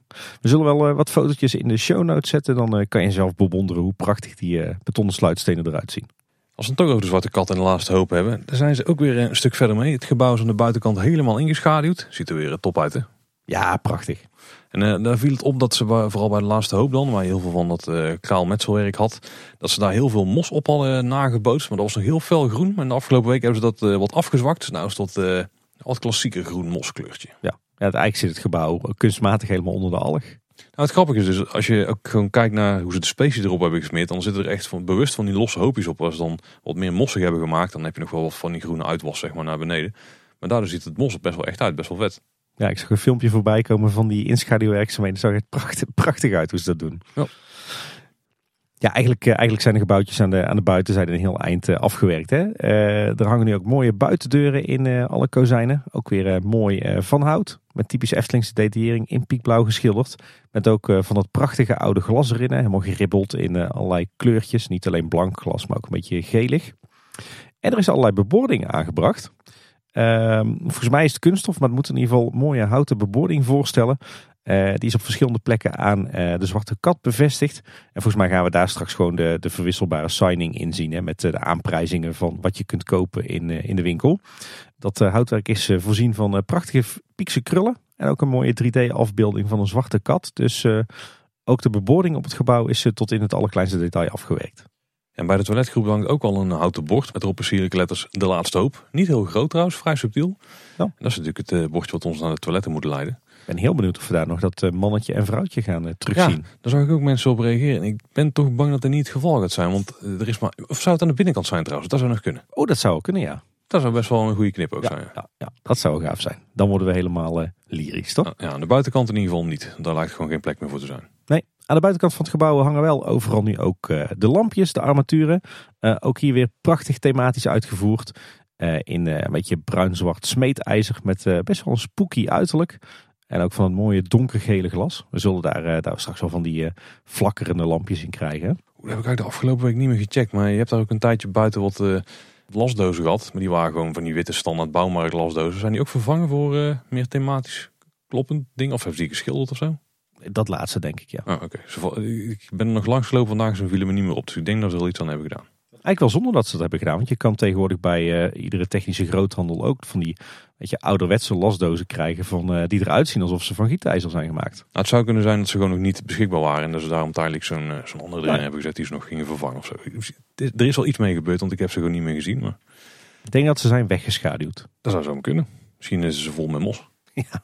Er is ook een eh, vreemde houten schutting geplaatst. Dus ik vind hem enigszins vreemd. Aan de, die, staat een beetje haaks op het gebouw aan de kant van de bouwplaat, zeg maar. Eh, dus eigenlijk rechts van de ingang dadelijk naar eh, de zwarte, in de Zwarte Kat. Die heeft wat ruwe houten planken, een beetje, ja, een tikkie scheef. Ik kreeg hier lichte Max en Moritz vibes bij, Tim. Ook al waren de kleuren wel veel beter hoor. Donkerbruin, zwart en piekblauw. Wel in dus verschillende kleuren, verschillende planken. Een beetje scheef ook met van die scheve bevestigingsbalkjes erop en zo. Ik vond het een beetje vreemd. Voelt ook niet echt als iets voor vast aan of zo. Ja, ik vond hem wel redelijk smaakvol uitgevoerd. Hij is natuurlijk nu ook op kleur gebijtst. hè. Donkerbruin met wat, wat zwarte en wat piekblauwe elementen. Hij voelt misschien een klein beetje te cartoony voor dit themagebied. Ja, maar er staat een stukje verder staat een andere houten wand. En die is gewoon volledig piekblauw met een Ja. sierrandje erop. Die vind ik een stukje meer passend. Ik vraag me vooral af waar- waarom, dat je dit, eh, waarom dat ze dat ding hebben neergezet. Want je zet eigenlijk midden op het plein zet je een schutting haaks op een gebouw. Ja, de enige reden die ik kon verzinnen is om die bomen een beetje te ontzien daar of zo. Of de plantsoenen. Dat zou ook gewoon ja. met een simpel laag pieks krullenhekje of zo gekund. Of misschien om de routing een beetje te bepalen van de winkel. Dat, eh, dat ze echt strikte uitgang en de ingang gescheiden willen houden. Ik- niet duidelijk, niet duidelijk. Gek dingetje. Het grappige is alleen wel dat je exact deze vorm al eerder kon zien op de overzichtstekening van het themagebied. Die De Efteling heel lang geleden op de Efteling blog heeft gezet. Dus het is blijkbaar iets waar ze eh, bij het ontwerp van de buitenruimte al rekening mee hebben Maar was het gehouden. dan niet die- gewoon de rand van het plantvak of zo? Ja, Nou, als we trouwens aan de andere kant van het gebouwtje gaan kijken, daar hadden ze ook een soort afscheiding gemaakt in. Maar die was eh, met coniferen voor een groot deel. Maar de helft daarvan is volgens mij weer verwijderd. mooi zo. Hoe minder coniferen de Efteling, hoe beter. Ja, wat er ook verder ook klaar is, zijn alle tafels en bankjes van het eh, oude terras van het Zeilen Fregat. Die zijn we gewoon gemonteerd op de plek waar ze zaten. Ja. En eh, die zijn eigenlijk al bijna klaar om eh, bezeten te gaan worden. Maar dan op de manier dat je gewoon jezelf erop plant in plaats van dat er spoken in huizen. Ja, ik snap hem, Paul. Doet me, doet me terugdenken aan een spooknacht dat wij eh, na eh, onze ronde over het, Ja. eh, het buitengebied en door het spookslot, dat we nog licht geëmotioneerd eh, aan een colaatje zaten. Dat is trouwens wel een goeie. Ja, dit is een eh, opnamelocatie die niet is gesneuveld. Nee, precies. Met die mooie grote beuken erbij, ja. Ja. Kleine misser, je zou bijna zeggen, kan dat überhaupt binnen dit project? Maar blijkbaar is er toch aan één klein dingetje niet gedacht. Eh, er loopt een lelijk zwart luchtbehandelingskanaal, zichtbaar over het dak van de Zwarte Kat, eh, naar dat dienstgebiedje tussen de Zwarte Kat en de Laatste Hoop in. Hm. Dus blijkbaar, eh, ik denk dat ze daar in het ontwerp geen rekening mee hebben gehouden. En eh, dat, ze, ja, dat er uiteindelijk toch iets van een luchtbehandelingskanaal nodig was. En nou, nou hebben ze hem uiteindelijk maar eh, zwart geschilderd, zodat hij niet opvalt. Maar ja, klein detail, maar toch een klein beetje jammer. En over gesproken, onder die overkapping van dat, dat back-of-the-house gebied tussen de winkel en de toiletgroep, daar hebben ze nou ook een grote koelcel geplaatst. Wat ze ook wel nodig zullen, zeggen, zullen hebben, omdat de zwarte kat natuurlijk een soort supermarktje wordt. De inrichting van de Zwarte Kat die lijkt ook eh, geleverd te zijn. En wat we er tot nu toe van hebben gezien lijkt die helemaal met de hand gemaakt te zijn uit hout. Dus misschien ook wel intern door de Efteling zelf. Ja, zou wel gaaf zijn door de bouwdienst. Ja. Maar sowieso eh, met dank aan wat fotografen met telelensen al best wel wat elementen gezien. Aan de binnenkant van eh, met name de Zwarte Kat. Mooie kroonluchters aan kettingen met daarin van die kaarslampjes. Hè. Eigenlijk van die typische elementen die we ook kenden uit de gaanderij naast het spookslot. Maar ook bijvoorbeeld het Witte Paard. Eh, een eh, ventilatieopening met daaromheen een heel mooi gedetailleerd ornament. Maar ook eh, een aantal koelingen, waar straks waarschijnlijk de sandwiches en zo komen te staan in de salades. Die zijn voorzien van hele mooie houten ombouwen. Een heleboel kettingen overal. Ruwe houten balken aan het plafond, houten kolommen. En op de vloer ja, een soort langwerpige tegels, een beetje antraciet, donkergrijs. Ik vraag me af dat ze daarmee een, een houten plankenvloer nabootsen.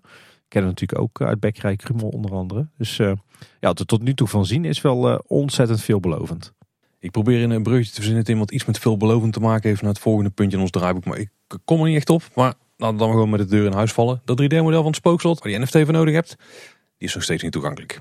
Stond gepland in april, maar is nog steeds niet, eh, niet beschikbaar. Een woordvoerder zegt tegen Loopings de laatste voorbereidende werkzaamheden die hebben helaas wat vertraging opgelopen. We verwachten dus dat het nog deze maand gereed is. Ik denk dat dit projectje wel eens als een nachtkaars uit zou kunnen doven. Het zou kunnen naar de NFT's die in handen zijn van de medewerkers, want die zijn wel uitgedeeld. Die zijn eh, nog niet verhandelbaar, want ja, ze hebben ook nog geen waarde, want ze dienen nergens voor. Dus ook dat kan er niet plaatsvinden. En de laatste Dans Macabre gerelateerde puntje, Tim, en hier worden we wel vrolijk van. Absoluut. Het is eh, duidelijk wanneer de première gaat plaatsvinden van de vijf- van de Vijf Zintuigen documentaire over het spookslot. De historie van station Halfweg, zoals ze die hebben gesubtiteld. Namelijk zaterdag 2 september om 1 uur. En die gaat plaatsvinden in de buurt Tim, in Theater te Leest in Waalwijk. Wederom een andere locatie. Ja. En de kaartverkoop daarvoor die gaat van starten binnenkort. Daarvoor moet je vijfzintuigen.nl in de gaten houden. Ja, wij zullen het hier ook wel melden in eh, een volgende nieuwsaflevering zodra het het geval is. Ja, je moet je als Efteling liefhebber toch wel naartoe. Zeker. En dan het Efteling Grand Hotel, Tim. En daar zijn de werkzaamheden natuurlijk losgebarsten in de... Oh, oh, oh, oh, oh, nee, niet. Nee, niet echt nee. Nou ja, we hebben in ieder geval een luchtfoto ook hier van Nick weer gekregen. Want die wil toch even checken dat er niet iets was gebeurd. Ja, niet echt. De betonvloer van de begaande grond die is nu gewoon helemaal af. Die is iets meer opgedroogd ten opzichte van de vorige keer. Was het weer wat beter was, denk ik. 100% uitgehard. Ja, en het gebouw is nu rondom helemaal aangevuld met zand. Nou ja, jij lacht erom Paul, maar er is wel degelijk nog iets gebeurd. Nou, ik zag vandaag zelfs een apparaatje rijden. Ik heb geen idee wat hij aan het vervoeren was, maar ja, er iets van links naar rechts over het terrein. Daar heeft, eh, eh, is nog een leuk liedje over gemaakt hoor. Maar eh, nee, er is wel degelijk nog iets gebeurd aan het Efteling Grand Hotel. Want er is de afgelopen dagen namelijk ineens gewerkt aan toch nog een stukje begaande grondvloer dat we eerder niet zagen. Je hebt natuurlijk die hele kelderbak die af is waar, waar de vloer bovenop ligt. Nou, dat is dus al lang klaar. Alleen in de Zuidwesthoek, zeg maar, ja, een beetje aan de kant van het Efteling Theater. Daar hebben ze nu ook nog een stuk vloer aangelegd. Niet eh, met de kelderbak eronder en met gestort beton. Maar het is eigenlijk gewoon een kanaalplaatvloer. Dat zijn die eh, grote betonnen elementen die ze aanvoeren op de vrachtwagen. En die hebben ze op een strookfunderingje gelegd. Dus dat is een, eh, een stukje vloer van het gebouw waar geen kelder onder zit. En dat wordt de vloer van het, het grote restaurant. Hmm. Ja, wat, wat is het? Volgens mij zeshoekig. En die is eigenlijk aan het gebouw vastgelegd de afgelopen dagen. Daar zijn ze nog mee bezig om dat eh, af te werken en met, eh met beton de naden in te vegen en zo. Maar eh, dat is ook bijna klaar. Nou, moet ik dat een wagentje daarom heen en weer reed. Kijk. Verder gebeurt er in ieder geval eigenlijk niks, hè? Nee. Nou, we hebben eerder al onszelf afgevraagd, hoe kan dit nou? Ligt het werk stil? Nou, de Efteling heeft ons daar inmiddels een update over gestuurd. Namelijk, er is geen vertraging bij het hotel. Dit is een, zij is ook weer een ingecalculeerde rustige fase. En binnenkort komen de eerste prefab delen en dan wordt het wel weer wat zichtbaarder. Ja. Die ingecalculeerde rustige fase, die ga ik als projectleider wel even onthouden. die ga ik vaker gebruiken in mijn projecten. Ja, volgens mij ligt de, het werk nu toch sinds april wel eh, zo'n beetje zo goed als stil, toch? Nou, één ding weten we zeker, die vloer is dadelijk goed uitgehard. Nou ja, laten we hopen dat eh, dit project snel verticaal gaat. ja, ja. Ik heb dan nog een klein eh, toegangsgebied updateje. Eh, want het oranje dak bij de garderobe en de verhuur gebouwtje, weet je wel, het nieuwe servicegebouwtje wat daar is geplaatst aan de parkeerpromenade. Die is nu ook ingeschaduwd. Ja, een beetje ingepoetst eigenlijk. Ja. Hè? En daardoor lijkt het inderdaad meer op die koperuitstraling waarvan wij al dachten dat ze die hier wilden gaan bereiken. Maar allemaal leuk. Dans elkaar een grote tel wat eraan komt. Dat is natuurlijk helemaal niet zo interessant in. Want het allergrootste nieuws van de afgelopen weken dat drie toiletgroepen volledig gerenoveerd en heropend zijn. Hoppa, de toiletgroepen van Fata Morgana, Fabula en natuurlijk het gemak. We kunnen onze aflevering over de toiletgroepen van de Efteling, eh, die kunnen we wel eh, gewoon eh, opnieuw gaan opnemen. Ik denk nog heel even moeten wachten tot het hotel open is. En Dans Macabre trouwens natuurlijk, want de laatste hoop moeten we ook wel even checken. Zeker. Als overigens vandaag waren de toiletten van Fata Morgana, want ik wil ze allemaal checken, maar die van Fata Morgana waren weer dicht. Hier moesten we naar de evenementen toiletten. Toch jammer, jij was al met je stempelkaart van alle toiletgroepen op pad natuurlijk. Ik heb er twee gezien, dus eh we kunnen er in ieder geval iets zinnigs over zeggen. Maar de aanpak bij de toiletgroepen die is eigenlijk wel alle eh, drie hetzelfde geweest. En wat ik zelf wel heel fijn vind is dat het nu allemaal dichte hokjes zijn. Dus er is geen systeemwandjesconstructie of dat er eh, allemaal ruimte onder, eh, onder de wanden zit of zo. Eh, er, zitten ook gewoon deuren van hout in met het thematisch hang- en sluitwerk. Ziet er ook allemaal heel netjes uit. Eén klein eh, detail. Eh, je kunt met het, eh, het nieuwe hang- en sluitwerk niet meer zien of een hokje eh, bezet is of niet. Oeh, dat is niet zo handig ja. Nee. Viel me ook wel op dat overal gewoon haakjes ook waren. Dus je kunt gewoon je jas of je tas even aan de deur hangen. Heel eh, fijn in ieder geval eh, wat betreft de geluidsoverdracht tussen de hokjes onderling. Ja, thematisch misschien iets minder geslaagd, maar wel heel praktisch. is Dat ze alle wanden hebben bekleed met heel strak plaatmateriaal. En er zit dan printfolie op. Ja. Sommige plekken werkt dat beter dan andere. Alle vloeren, dat zijn eh, troffelvloeren, heb ik van jou geleerd Tim. Ja, zeker. En die, eh, die hebben wel meestal zo'n een gekleurde buitenrand of een afwijkende kleur buitenrand. En dan eh, één grote kleur oppervlak binnenrand. Er zitten ook wat nieuwe systeemplafonds in met bijpassende kleur. Daar is ook niet we per se warm van worden. Het sanitair en accessoires die zijn ook allemaal aangepast. Zijn die luxe uitgevoerd? Want ik vond het nogal aardig eruit zien als mijn oude middelbare school. Met de zwarte toiletbril, weet je wel, en de witte pot. Ja, die zwarte toiletbril is- voelt wel een beetje vintage. Maar eh, ja, ik vond het wel redelijk luxe sanitair eigenlijk. Nou ja, dat zie ik zelf vooral bij de wastafels. Want die zijn wel heel chic geworden. Ja, die zijn niet niet meer allemaal losse wastafeltjes. Hè, maar dat is eigenlijk één, ja, per toiletgroep één luxe lange wastafel in een soort ja, weet je, lichtgrijs composietmateriaal. Doet een beetje denken aan terrazzo. Het, eh, het prachtige materiaal dat we natuurlijk kennen van vroeger. Maar eh, dat is het zeker niet. En met eh, automatische kraantjes voor ook niet in alle plekken in Efteling al. Nee, nee, nee, dat is echt al wel vrij. Ik zag trouwens ook dat er best hippe urinoirs zijn opgehangen bij de heren. En, en ze zijn een proef aan het doen, even bij een heel andere toiletgroep, laat die ook nog maar even bij betrekken.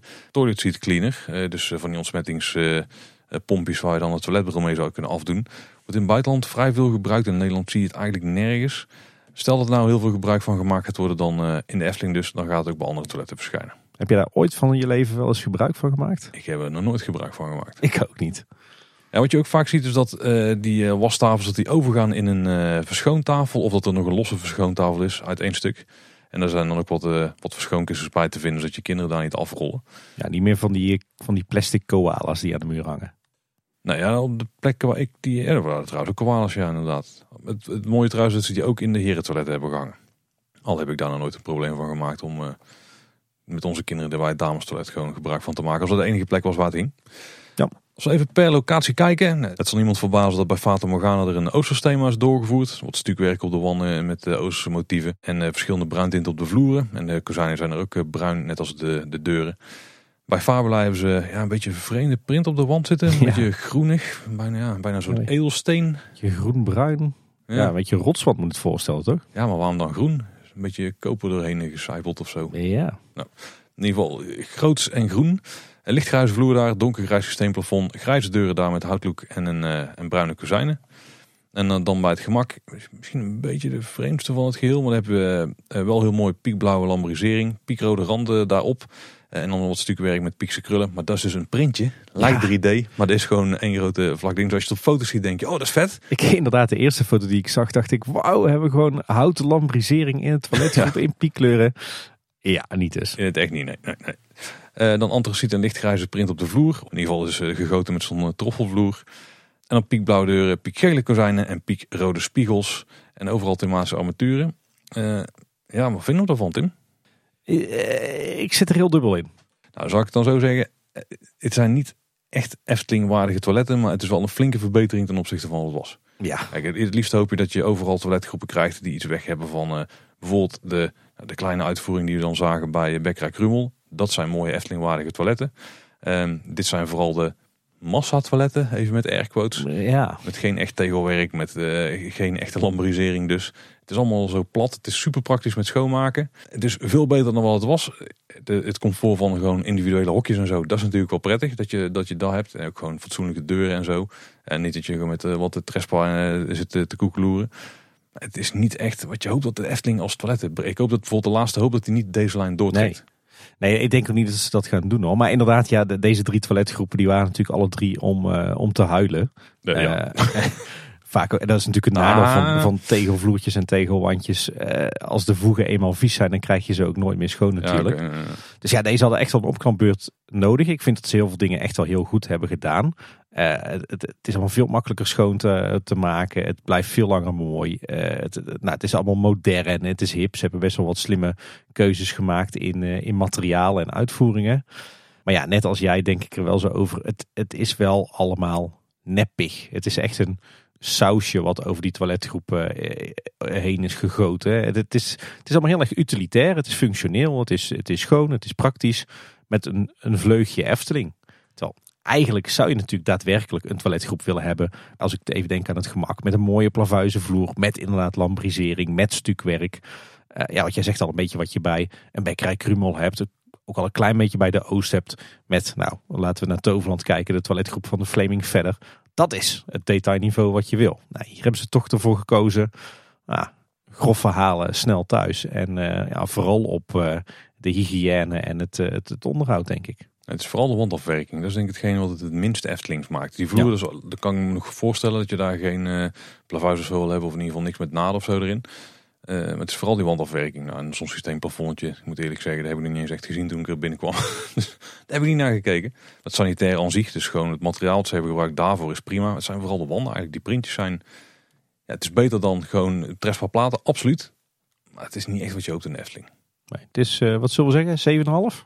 Ja, dit is, nee, dat is een goeie. Het is geen 9 plus. Nee, geen nee, 9 plus. 7,5. Ja. ja. maar een stukken beter dan wat het was. En uh, ja, veel comfortabeler en schoner om hier uh, straks naar het toilet te gaan. Absoluut. En dan is nog een, een, laatste ontwikkeling waar we ons van afvragen of de Efteling uh, al daarin meegaat. namelijk genderneutrale toiletten. Dat is hier ook nog niet toegepast, hè? Nee, maar bij bestaande toiletgroepen waar je de ruimteindeling al hebt, is het natuurlijk wel lastig om door te voeren. Bij de laatste hoop zou dat interessant worden, maar ook daar lijkt het wat op basis van in ieder geval aan de rioolbuizen kunnen afleiden, lijkt dat er daar ook gewoon nog gescheiden te zijn. Nou laten we wat betreft genderneutraliteit hopen dat we bij het, de, de toiletten in de kelder van het Efteling Grand Hotel, dat we daar de eerste genderneutrale toiletten van de Efteling krijgen. Ja, en verder over deze drie toiletgroepen kunnen we denk ik concluderen dat ze op zich uh, geslaagd zijn opgefrist. Uh, dat ze wel weer echt uh, helemaal up-to-date zijn. Een stuk schoner, frisser en thematischer dan wat het was. Dat is helemaal juist, ja. ja. Tim, volgens een woordvoerder heeft de Efteling dus geen toiletplan wat ze aan het uitvoeren zijn... om bijvoorbeeld structureel alles te gaan renoveren waarbij het nodig is.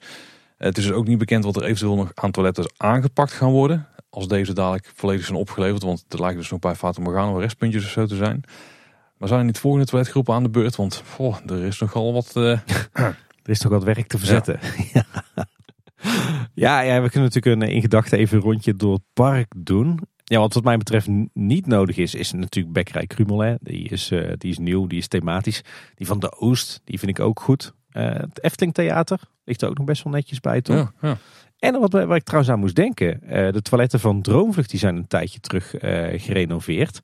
Natuurlijk een hele kleine toiletgroep. En volgens mij is dat de, de, de, Oh. de pilot geweest van, van dit project. Ja, klopt, ja. Want die is op precies dezelfde manier aangepakt als deze drie toiletgroepen. Dat is helemaal juist. Moeten we eigenlijk concluderen dat er al vier toiletgroepen zijn, uh, zijn opgefrist. Ja, en dat we hier misschien wel harder over hadden moeten zeiken. Ja. Figuurlijk dan, niet letterlijk. Zoals ik misschien al bedacht, misschien moet iets meer aandacht besteden aan de wanden. Hm. Niet dat wij nou zoveel invloed hebben. Nou ja, daar, daar, hoeft in ieder geval niks te gebeuren. Ik vraag me ook nog steeds af wat, wat er gaat gebeuren met de toiletgroep in het Huis van de Vijf Zintuigen. Oeh. Achter de groepskassas. Ja. Die is ook al in een redelijk slechte staat.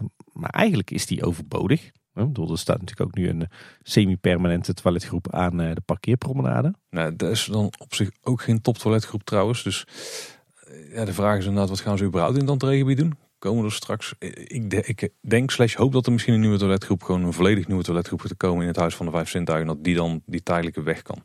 Ja, dat zou kunnen. Ja, dus eh, even afwachten wat er, eh, wat er überhaupt gaat gebeuren met eh, de indeling van het Huis van de Vijf Zintuigen. Ja, als ik denk aan toiletgroepen in de F10 nog wel een opknapbeurtje kunnen gebruiken, dan denk ik meteen natuurlijk aan die toiletgroep in Karsba, Absoluut, ja. achter in het café-restaurant. Zeker ook de toiletgroep bij Carnaval Festival. Ja, ja. Op het oog zien die er nog redelijk uit, maar het sanitair aan zich is gewoon vrij oud. Ja, en die, ze hebben daar natuurlijk ook die folieprint geplakt op die, eh, die, die systeemwandjes in die toiletten. Maar die begint al, eh, die wandjes die beginnen langzaam zeker een beetje op te bollen. Dus die zitten ook helemaal vol met vocht. Dat eh, ziet er ook wel minder fris uit als je tot in detail kijkt. Ja, en natuurlijk de toiletgroepen van het Witte Paard en het Carouselpaleis. Nou, het Witte Paard is denk ik echt gewoon de slechtste toiletgroep in de Efteling. Ja, het Carouselpaleis is een beetje dezelfde generatie als bijvoorbeeld het Gemak en het Spookslot. Hè? Ja, alleen daar heb je nog de ruimte. Dus die, die is gewoon qua indeling gewoon ruim. Het Witte Paard is gewoon te klein. Altijd al geweest. Ik hoop dat er, met, eh, dat er niks gaat gebeuren met eh toiletgroep Kleine Boodschap in het Sprookjesbos. Dat, dat weet ik dus niet. Ik denk dat, dat je er best wel een chique renovatie kan doen. Bijvoorbeeld alle leidingen wegwerken in de wanden en zo. Dat is gewoon ook iets wat ze daar wel kunnen doen. Dus heel veel opbouw, eh, water en zo. Ja, maar, maar laat het maar opbouwen, maar voer het dan eh, uit in, eh, in koper of in ja, gietijzer. ja, bijvoorbeeld. Ik denk dat ze dat, op dat soort manier... En dat ze gewoon met net wat andere wastafeltjes en zo. Dat, daar hebben ze wel wat dingen aan gedaan al recent. Dat, dat is nog wel wat mogelijk, denk ik. Ja, Maar alsjeblieft geen plaatmateriaal tegen de wanden daar. niet doen. Nee, niet doen. En dan hebben we dan in Ruigrijk natuurlijk nog de campingtoiletjes achter de meermin. Ja, die moeten eigenlijk ook gewoon zo laten zoals het is.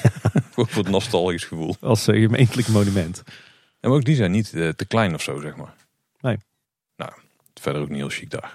Tot zover het blokje toiletten in eh, het toiletblok in deze aflevering van Kleine Boodschap. Ja, want we hebben het natuurlijk over grootste bouwprojecten gehad die nog heel lang duren. En we hebben het over nou, iets wat wat net is opgeleverd. Maar er is ook een, een, een kleiner project in, wat binnenkort opgeleverd gaat worden. Maar waar we meer informatie over hebben gehad. Namelijk de vernieuwing van het Paddenstoelendorp. Want de plannen daarvoor die zijn onthuld in een blogbericht. En het eh, zal je misschien verbazen Tim, want je vraagt je af waar haalt hij de tijd vandaan? Ja, Maar Karel Willem is wederom verantwoordelijk voor, eh, voor dit project. En eh, ziet er tof uit hoor, dit pakt hij goed aan. ja absoluut. Ka- Karel die is eigenlijk heer en meester van alle upgrade renovatieprojecten van Nou. het laatste jaar. Hè? Ja, ze zeggen altijd de plannen die, die verdwijnen in laadjes. Ik denk dat ze Karel zijn bril ondersteboven hebben gekeerd. om al die plannen eruit te trekken. Daar viel echt letterlijk voor iedere attractie een verbeterplan eh, uit. Ja. ja, heel, heel, heel gaaf. Dit is trouwens ook wel een beetje de, de laatste erfenis nog van de coronaperiode, toch? Ja, zou kunnen dat heel veel van die projecten inderdaad maar opgestapeld zijn en niet uitgevoerd. En die bleven maar opstapelen. En het lijkt erop dat Karel in de afgelopen drie maanden zich helemaal suf heeft zitten, zich helemaal suf heeft zitten schetsen. Maar misschien valt het mee en is het gewoon het werk van de afgelopen twee jaar. Wat nou allemaal in uitvoering wordt genomen. Hij had gewoon een hele dikke multimap staan. Nou, Karel zei in ieder geval zelf over het paddenstoelenparcours dat ze aan vervanging toe waren. Met de vernieuwing van de drie paddenstoelen houden we ons erfgoed actueel en maken we net een beetje meer van nu. Met extra details, iets meer levendigheid en bereikbaar voor alle kinderen. Dat is heel tof, daar daar ik meer erover. Maar wel nog steeds helemaal naar het ontwerp en in de sfeer van Anton Pieck. Ja, er zit een eh, prachtige potloodtekening van Karel bij. Gewoon lekker met het handje met een potlood. Check die vooral op, eh, op de blogpost. We zullen het natuurlijk naar linken in de show notes. Eh, en in dat artikel op de blog lezen we ook wat er allemaal gaat gebeuren. Nou, wat is er gebeurd? Het oude paddenstoelendorp eh, dat wordt herbouwd op basis van eh, opmetingen en een 3D-model van de oude paddenstoelen. Eh, daarbij is wel gekeken naar de huidige regelgeving, dat zal dan een bouwbesluit zijn, en toegankelijkheid. En als gevolg daarvan hebben de nieuwe paddenstoelen straks geen drempels meer. En de doorgangen en daarmee ook de stelen van de paddenstoelen zijn iets breder. Eh, zodoende kunnen er dus ook mensen, kinderen in een rolstoel doorheen. En één paddenstoel is wat van positie veranderd. En ze gaan het bruggetje iets anders uitvoeren. Kan ik me wel voorstellen. Dat het voor iemand in dan makkelijker of überhaupt mogelijk is om er doorheen te bewegen. Ja. Er hebben ook meer details toegevoegd. De paddenstoelen die eh, zouden tussen de stil en de hoed een eh, kraagje gaan krijgen. De onderkant van de hoed wordt niet meer in houten balken uitgevoerd, maar er komt een, eh, let op, een gemodelleerde plaatjesstructuur in. Je hebt natuurlijk eigenlijk van die ja, verticaal staande schotjes, zeg maar, om het zo te noemen, die er rondom vormen. En een paar andere toevoegingen worden gedaan. Is een luikje dat op een kier staat, een nieuw boekenplankje, een belletje aan de buitenkant, nieuwe lantaarntjes. En in de paddenstoel met de schoorsteen wordt een, een klein kacheltje in de wand verwerkt. Dan heeft de schoorsteen ook nog eh, thematisch zin. En je hoort straks vanaf een zolder een snurkende kabouter. Heel gaaf. Ja. Ik weet nog dat wij laatst eh, in het Ton Brabants Museum stonden te kijken naar de originele piektekening voor het paddenstoelendorp. En toen zeiden wij tegen elkaar van wat zou het toch mooi zijn als een aantal details die Piek ooit heeft ontworpen voor die paddenstoelen, als ze die zouden gaan toevoegen bij, eh, bij deze herbouw. En het lijkt erop dat ze dat eh, bijna volledig ook hebben gedaan hè? Een van de weinige dingen die we eigenlijk niet zien is het vogelkootje met zo'n vogeltje. Die aan, de, aan een van de paddenstoelen. En je hebt nog van die vogelnestjes mee, die kunnen ze altijd nog toevoegen. Maar past Ja. niet per se meer, niet echt van deze tijd denk ik. En misschien dat het vogelkooitje als je nog wel, eh, alsnog wel komt. Ja, ja, ja. Overigens eh, had eh, Friso Geerlings, bekend natuurlijk van Eftepedia en ook een luisteraar van ons, nog een slimme opmerking. Die zei namelijk een, een morielje, wat de, de linkse paddenstoel is op de tekening. Zo'n hoge paddenstoelen. Die, eh, die heeft helemaal geen kraagje. Zoals nu bij, aan de, de drie paddenstoelen wordt toegevoegd. Dus misschien dat ze die nog even op het laatste moment moeten schrappen. Naar verwachting zou het deze zomer open moeten gaan. En de plannen zien er eh, top uit hè. Ja, dit is gewoon eh, een dikke tien, toch? Nou, laat het, de plannen zijn in ieder geval een dikke tien. Laat het nog even een uitvoering eh, dadelijk gaan zien. Maar ja, ik vind de manier hoe ze dit wil aanpakken, vind ik en heel slim. Of nou, laat ik zo zeggen, ik vind het vooral heel fijn hoe ze het aanpakken. Niet gewoon denken, we gaan het één op één terugbouwen. Echt kijken, wat kunnen we er nog meer van maken. En dan ook niet te ver doorslaan. Maar vooral de rekening mee houden dat er veel meer kinderen dadelijk van kunnen gaan genieten dan al het geval was.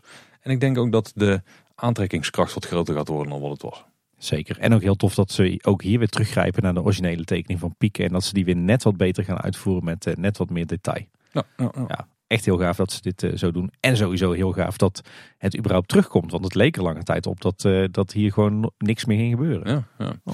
Nou, op dit moment zien we er nog niet super veel van. Er is wel een bouwterreintje afgezet. En wat we nu alleen zien is dat de betonfunderingen zijn gestort voor de drie paddenstoelen. Die hebben ze gewoon vierkant gemaakt. Heel erg praktisch. En alle elektra die nodig is, die eh, loopt er in buizen al naartoe. Ja. Dat is eigenlijk het enige wat tot nu toe is zichtbaar is gebeurd nog. Ja, en vandaag zijn er wat eerste pakken met uh, metselstenen neergezet. Dus uh, ze gaan de, de stelen van de paddenstoelen in ieder geval toch gewoon ouderwets opmetselen. Ja.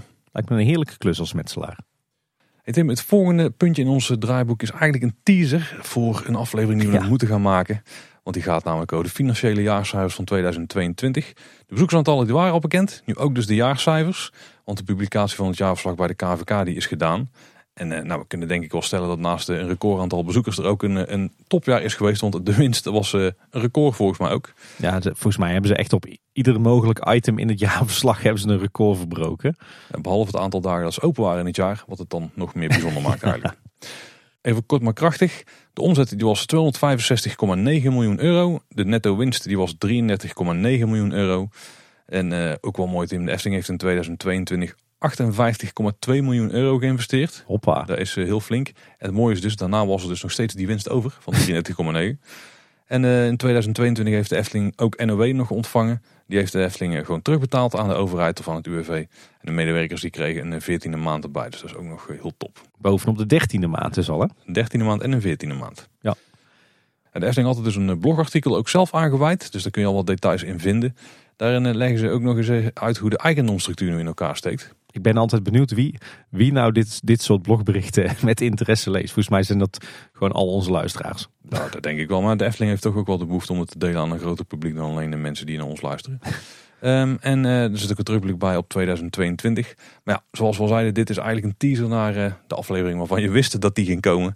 Namelijk de financiën van de Efteling over 2022. Die gaan we nog maken. We zijn nu eh, de studie aan het verrichten op de documenten die we hebben gekregen. Want we hebben het volledige jaarverslag hebben inmiddels. En al eh, doorgenomen. Er staat veel interessants in. En als je dus alles wil weten over die cijfers, luister dan die aflevering die eh, later, nou, wanneer kunnen we beloven Tim, over een aantal weken er al? Maar als het goed is, komt die voor de zomervakantie uit. Oh, voor de zomervakantie. En die gaan we maken met de Van Tilburgjes. Jazeker. Oeh, meer zeggen we er nog niet over. Door naar het volgende onderwerp. Hey, er is volop reuring op de speelweide. Zo, er is geen speelweide meer over op dit moment. Ah jawel, een halve speelweide nog. Nou, volgens mij is het overal zand. ja, Eh, dat zien we natuurlijk wel vaker. eh, Zo'n beetje iedere winter en iedere zomer. Maar het lijkt erop dat ze hier nu ook eh, flink aan het doorpakken zijn. En dat ze meer investeren en meer verbouwen aan de speelweide dan eh, ooit tevoren. Eh, er wordt op dit moment hard gewerkt aan een nieuwe inrichting van de speelweide. Met name het gedeelte aan de kant van het Reisrijk.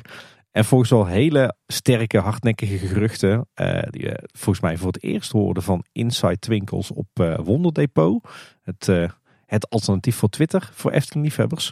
Ehm, wordt er hier gewerkt aan de opbouw van een nieuw zomerevenement.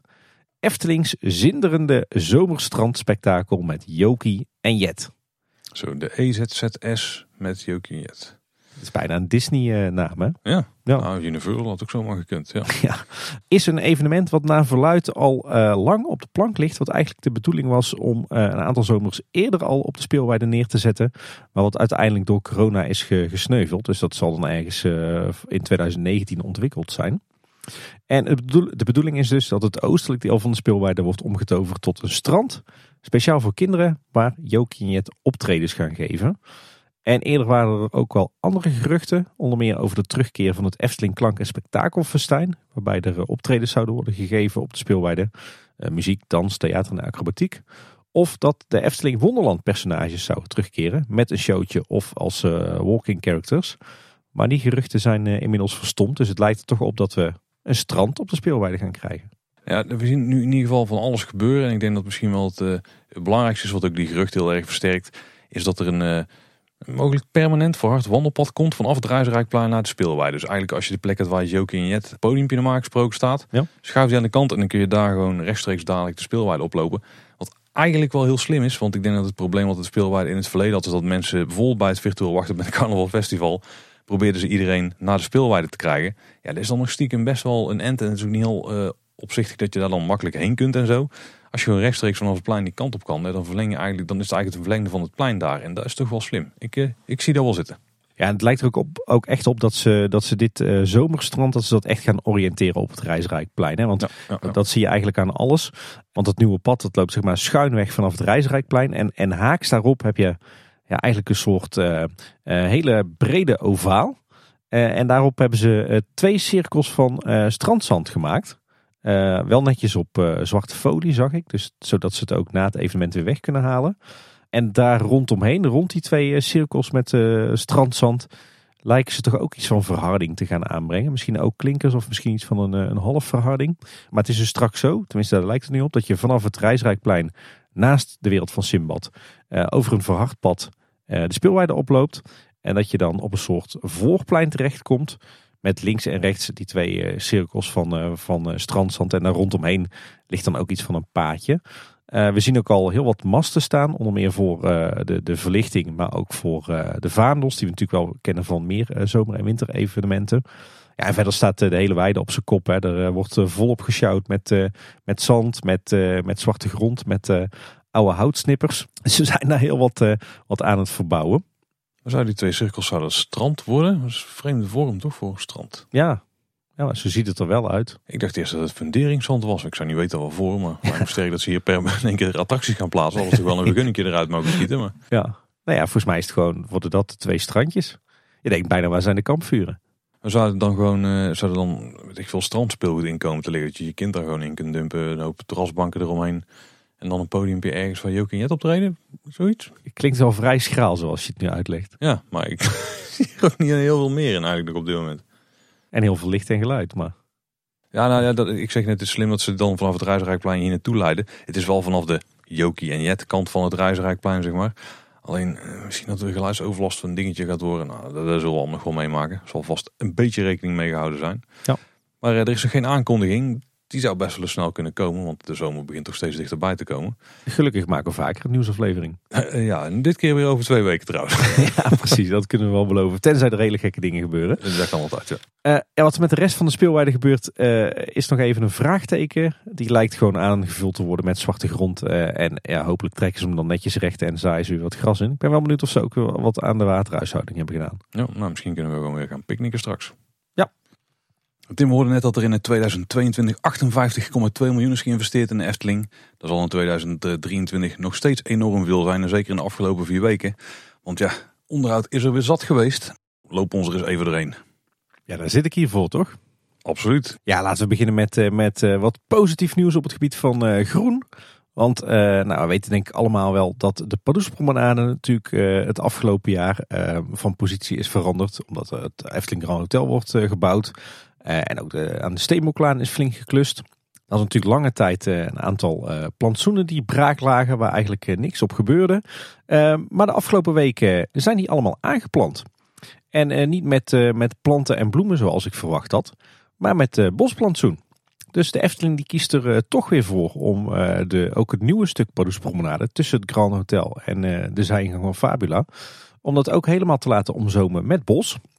En wat helemaal mooi is, is dat eh, ook zeg maar, het stukje tussen eh, het nieuwe stuk Paddoespromenade en het Sprookjesbos, dat daar ook eh, heel wat nieuw bosplantsoen is neergezet. En nu kijk je daar natuurlijk nog eh, eh, behoorlijk duidelijk op het sprookje van Pinocchio. Maar daar komt straks ook een brede strook bos tussen te, liggen. Dan nog wat andere kleine dingetjes. Ehm, de afgelopen weken is er gewerkt aan de asbestsanering van het dak van de grote loods op het, het LEM-terrein. Het logistiek evenementenmagazijnterrein natuurlijk eh, achter de fietsenstalling. Eh, heeft waarschijnlijk te maken met het verbod op asbestdaken wat er eh, aan zit te komen. Stond gepland voor 2024, is nu 2028 geworden. Maar de Efteling heeft het, heeft het toch gewoon gedaan. Dus daar is alle asbesthoudende golfplaat vanaf.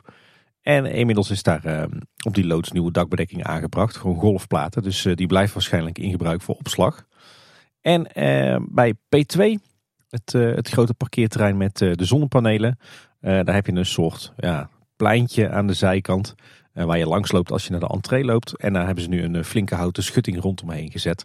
En in dat gebiedje staan natuurlijk de, de technische installaties voor de zonnepanelen. En dat is nu mooi weggewerkt achter een schutting. Dan gaan we het park in, beginnen in het Fantasierijk bij Polles Keuken, waar natuurlijk de afgelopen weken hard is gewerkt aan groot onderhoud. Wat we daar zien is dat de muurschildering Koninklijke Voorraadkamers nu af is inmiddels. Is wat kleurrijker dan de, de vorige versie. Op zich wel logisch, want deze die, eh, wordt vanzelf natuurlijk wat valer. En voor mij een gevoel ook een tikje meer cartoony dan vroeger. Ja, dat ligt natuurlijk maar net aan wie het, eh, wie het heeft geschilderd. Eh, de stapel pannenkoeken voor de entree die is terug, netjes opgeknapt. En ook de grote schoorsteen is eindelijk uit de stijgers. En die ziet er weer prachtig uit. Mooier dan ooit misschien wel. Helemaal opnieuw opgebouwd. Alle decoratieve elementen zitten er ook weer op. De glittertjes in de scheuren. En zelfs de rook die doet het weer. Dus eh, laten we hopen dat die nu lange tijd eh, netjes blijft. En volgens mij zijn ook de boombakken op het terras eh, opgeknapt. Hè. De, de plantvakken rond de bomen. Die bakken die hebben allemaal een schilderbeurtje gekregen. Er ligt een nieuwe beregening in. Een soort druppelslang. En er zit ook nieuwe beplanting in. Dus die bakken die, kunnen ook mooi gaan volgroeien. En ietsje verderop op de Paduspromenade bij Fabula is eh, de zeepaardjesfontein weer uit de hekken. En ook die is eh, heel mooi opgeknapt. Die eh, stond er slecht bij, maar dat is verleden tijd. In Anderrijk is de technische dienst goed bezig geweest met Fata Morgana, Tim. Want een hoop van de hardnekkige defecten die zijn gerepareerd. De fluitspeler in de troonzaal doet het weer. De fontein in de haven daar komt weer water uit. De derde kalief en de deur van de kantelkamer die werken. Natuurlijk wel de, de hardnekkige deur die bijvoorbeeld niet meer werkt. En vandaag viel me op dat eh, de tapijtverkoper stil stond. Oh, toch weer wel. Ja, hij stond met de rug naar ons toe. Een beetje jammer. Er was natuurlijk op het plein een eh, lantaarnpaal omvergereden. Die is eindelijk weer eh, vervangen. Dus ook dat is weer gefixt.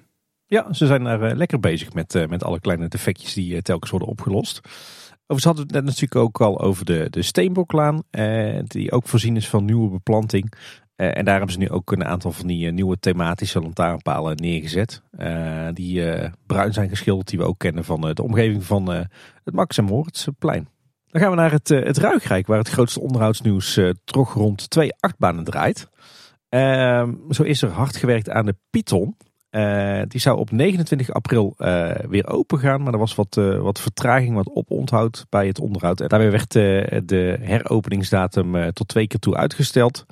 eh, naar 8 mei, maar uiteindelijk ging de Python alsnog op eh, zaterdag 6 mei weer open.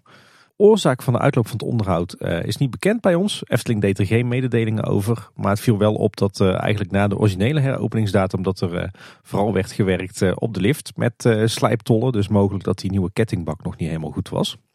We hebben trouwens ook gespot dat tijdens dat groot onderhoud... dat ook alle bouten weer zijn gecontroleerd met hoogwerkers of alles goed vastzit.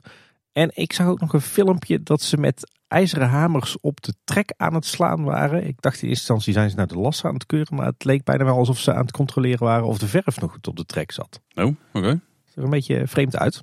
Maar goed, inmiddels eh, is de Python weer open en die rijdt ook weer lekker. Ehm, en nu heeft eh, Baron 1898 eh, zijn jaarlijkse onderhoudsbeurt. Dit jaar wat langer dan normaal, kleine twee weken. We zien op dit moment onder meer een grote kraan bij de lift. Dus het zou zomaar kunnen dat ook de Baron een nieuwe liftketting krijgt. Verder wordt ook hier alle boutverbindingen nagekeken in de hele achtbaan.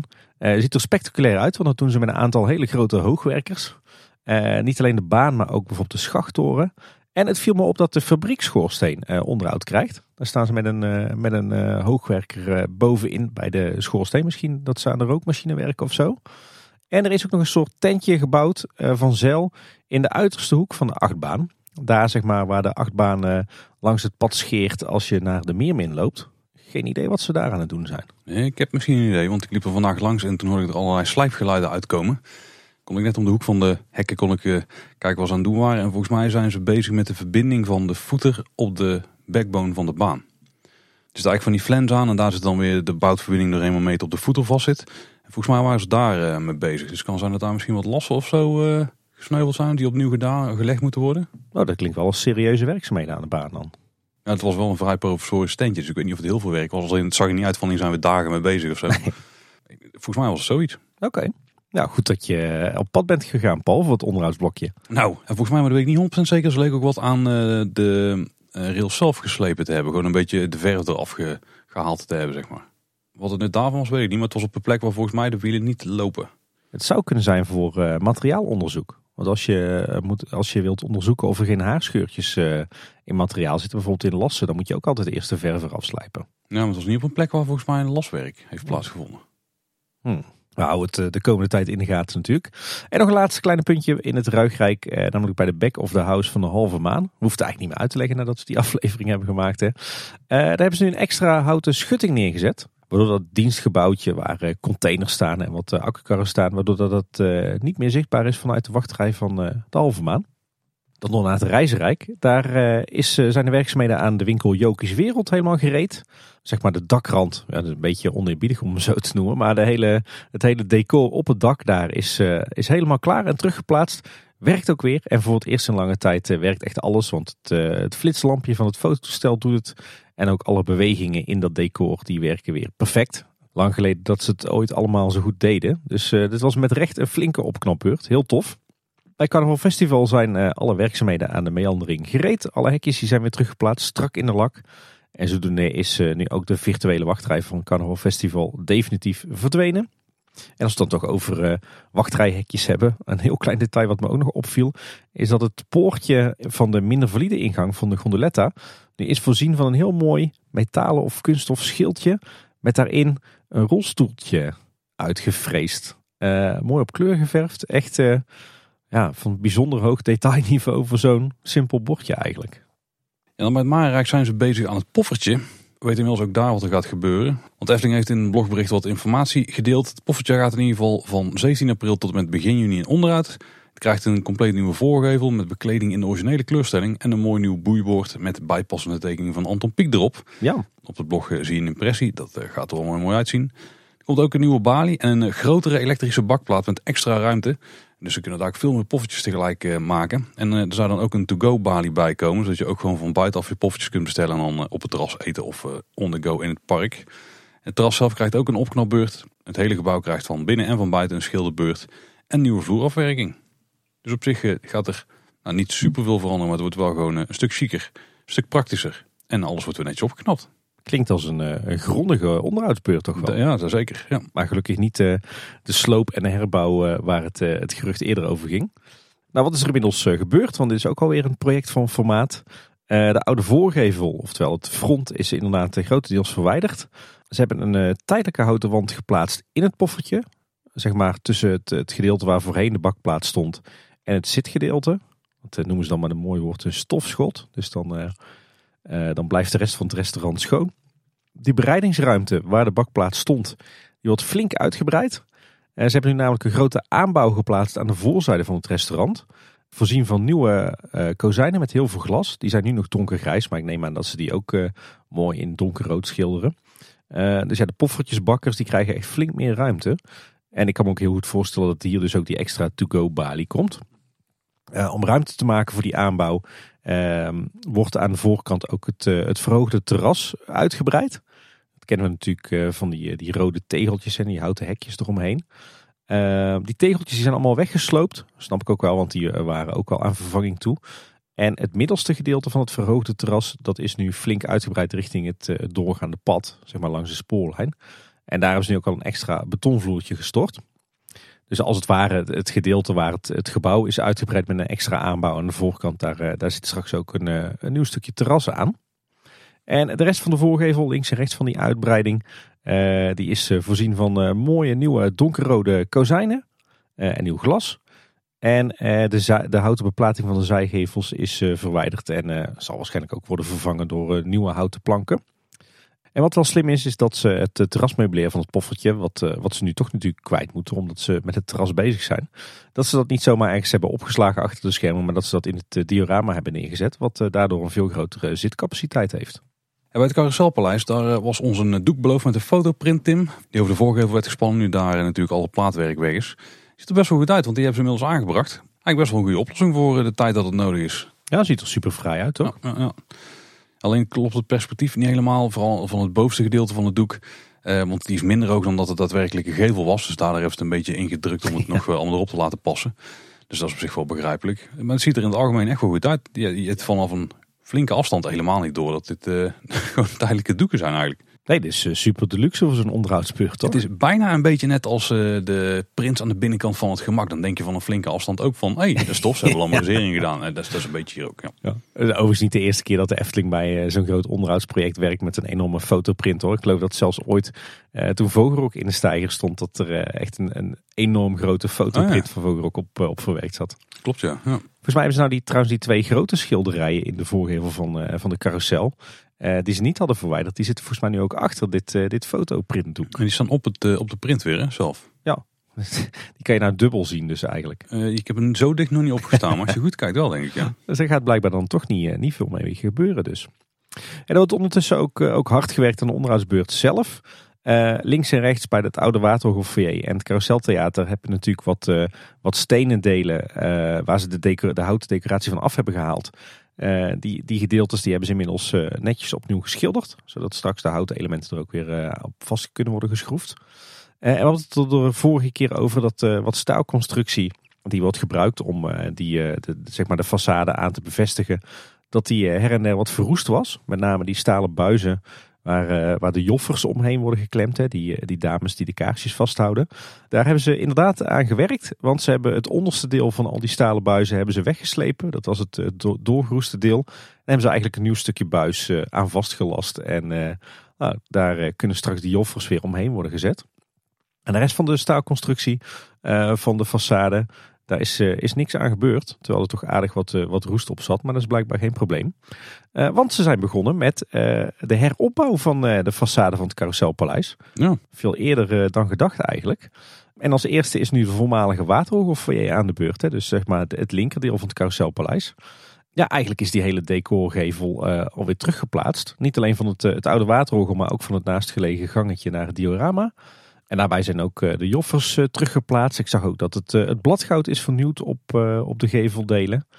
Ja, en ik moet zeggen, wat ik er tot nu toe van heb gezien, jammer genoeg alleen van, van foto's op dit moment, dat ziet er toch prachtig uit. Ik moet nog wel met eigen ogen gaan bekijken. En ik kan je beloven, Paul, dat ik het natuurlijk tot in het kleinste detail ga bestuderen. Hoe de opgeknapte gevel eruit ziet. Maar wat het tot nu toe van te zien is, ziet er heel tof uit. Er missen nog een paar kleine onderdelen. Die houten, de houten elementjes die nog op die eh, lage stenen muurtjes moeten worden geschroefd, die zitten er nog niet op. En ook eh, de, de bladgouden pironnetjes eh, helemaal bovenaan de gevel, die missen nog, maar die, die zullen wel snel volgen. En het grappige is, ik, ik zag wat bezorgde Efteling-liefhebbers op Twitter voorbij komen. Die het opviel dat, dat op het naambordje bovenaan niet meer Waterogelfoyer stond, maar voortaan Carouselpaleis. Maar uh, dat is een aanpassing die is een heel aantal jaar geleden al, uh, al gebeurd. Dus uh, dat hebben ze precies zo teruggebracht als het ooit was. En als we dan in het diorama gaan kijken, daar staan alle vijvers al een hele tijd leeg. En de watervallen die staan dus ook uit. En het ziet er weer een beetje vreemd uit. Hè? Dan heb je ook dat de bootjes daar op van die steentjes in de, in de vijvers liggen en zo. Ja. Nou, moet, moeten ze weer eens naar kijken. Er zal wat waterdicht gemaakt moeten worden, gok ik. En dan zitten we ook in de, in de, een beetje de, de naweeën van de grote onderhoudsbeurt bij de stoomtrein hadden het in een eerdere nieuwsaflevering over dat, uh, dat de wagonnetjes, die natuurlijk helemaal opnieuw opgeschilderd zijn, dat er nog die, uh, die oude paneeltjes misten. Met erop de, de bloemfiguren en de piekse krullen hè, op de kopse kanten van de, de wagonnetjes. Um, maar die zijn inderdaad, zoals wij al hoopten, helemaal vernieuwd. Er zijn nieuwe ornamenten aangebracht. Volgens mij in staal. Uh, in ieder geval met, met, met de krullen en de bloemetjes niet alleen erop geschilderd, maar ook mooi in 3D uitgevoerd. vergelijkbaar met de oude situatie. Maar nu eigenlijk uh, veel mooier uitgevoerd. Dus uh, heel tof dat die ook zijn teruggekeerd.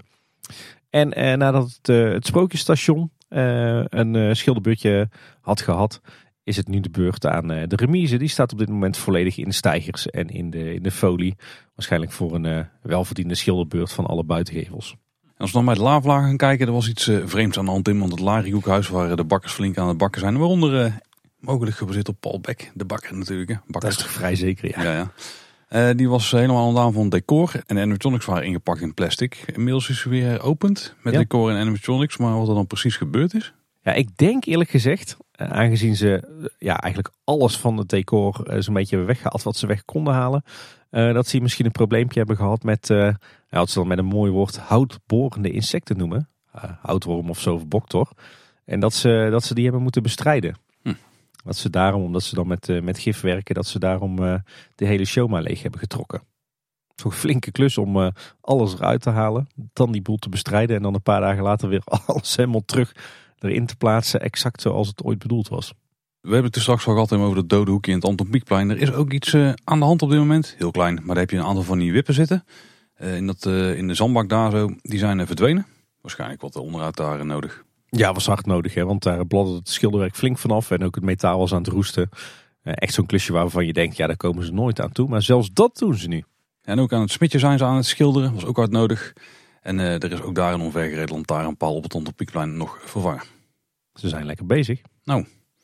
Zoals we al eerder uitgebreid hebben besproken, Droomvlucht is naar eh, de renovatie natuurlijk toch wel flink veranderd. Ja, zeker. En als je dan de virtual reality Droomvlucht gaat doen, dan zul je natuurlijk merken, of er zullen in ieder geval degene merken die eh, de virtual reality versie gaan doen, dat die een andere versie van de attractie zien dan hoe die er daadwerkelijk is op dat moment.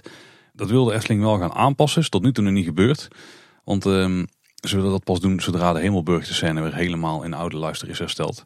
En eh, dat kan nog wel even gaan duren. Dus eh, totdat we de planeten daar weer terugzien, geen nieuwe virtual reality film. Maar wel tof dat ze überhaupt de plannen hebben om die film te gaan vernieuwen. Ja, ja, zeker, zeker. Ik ben wel benieuwd hoe ze dat dan gaan doen met eh, van het licht van de zon, wat er dan achter de eh kastelenrijkscène langs gaat. Want zou je dat niet dan proberen te timen of zo? Lijkt me niet nodig, toch? Dat me vrij, lijkt me vrij onmogelijk, ja. Wat mij nog opviel in Droomvlucht is trouwens eh, dat ze in het verleden maar één camera hadden eh, die toezicht hield op de meandering. Maar dat er voortaan drie camera's eh, in de meandering hangen. En een apart scherm in de controlekamer. Eh, waarschijnlijk voor beter toezicht op de meandering. En ook natuurlijk eh, zodat ze continu de lengte van de wachtrij in de gaten kunnen houden.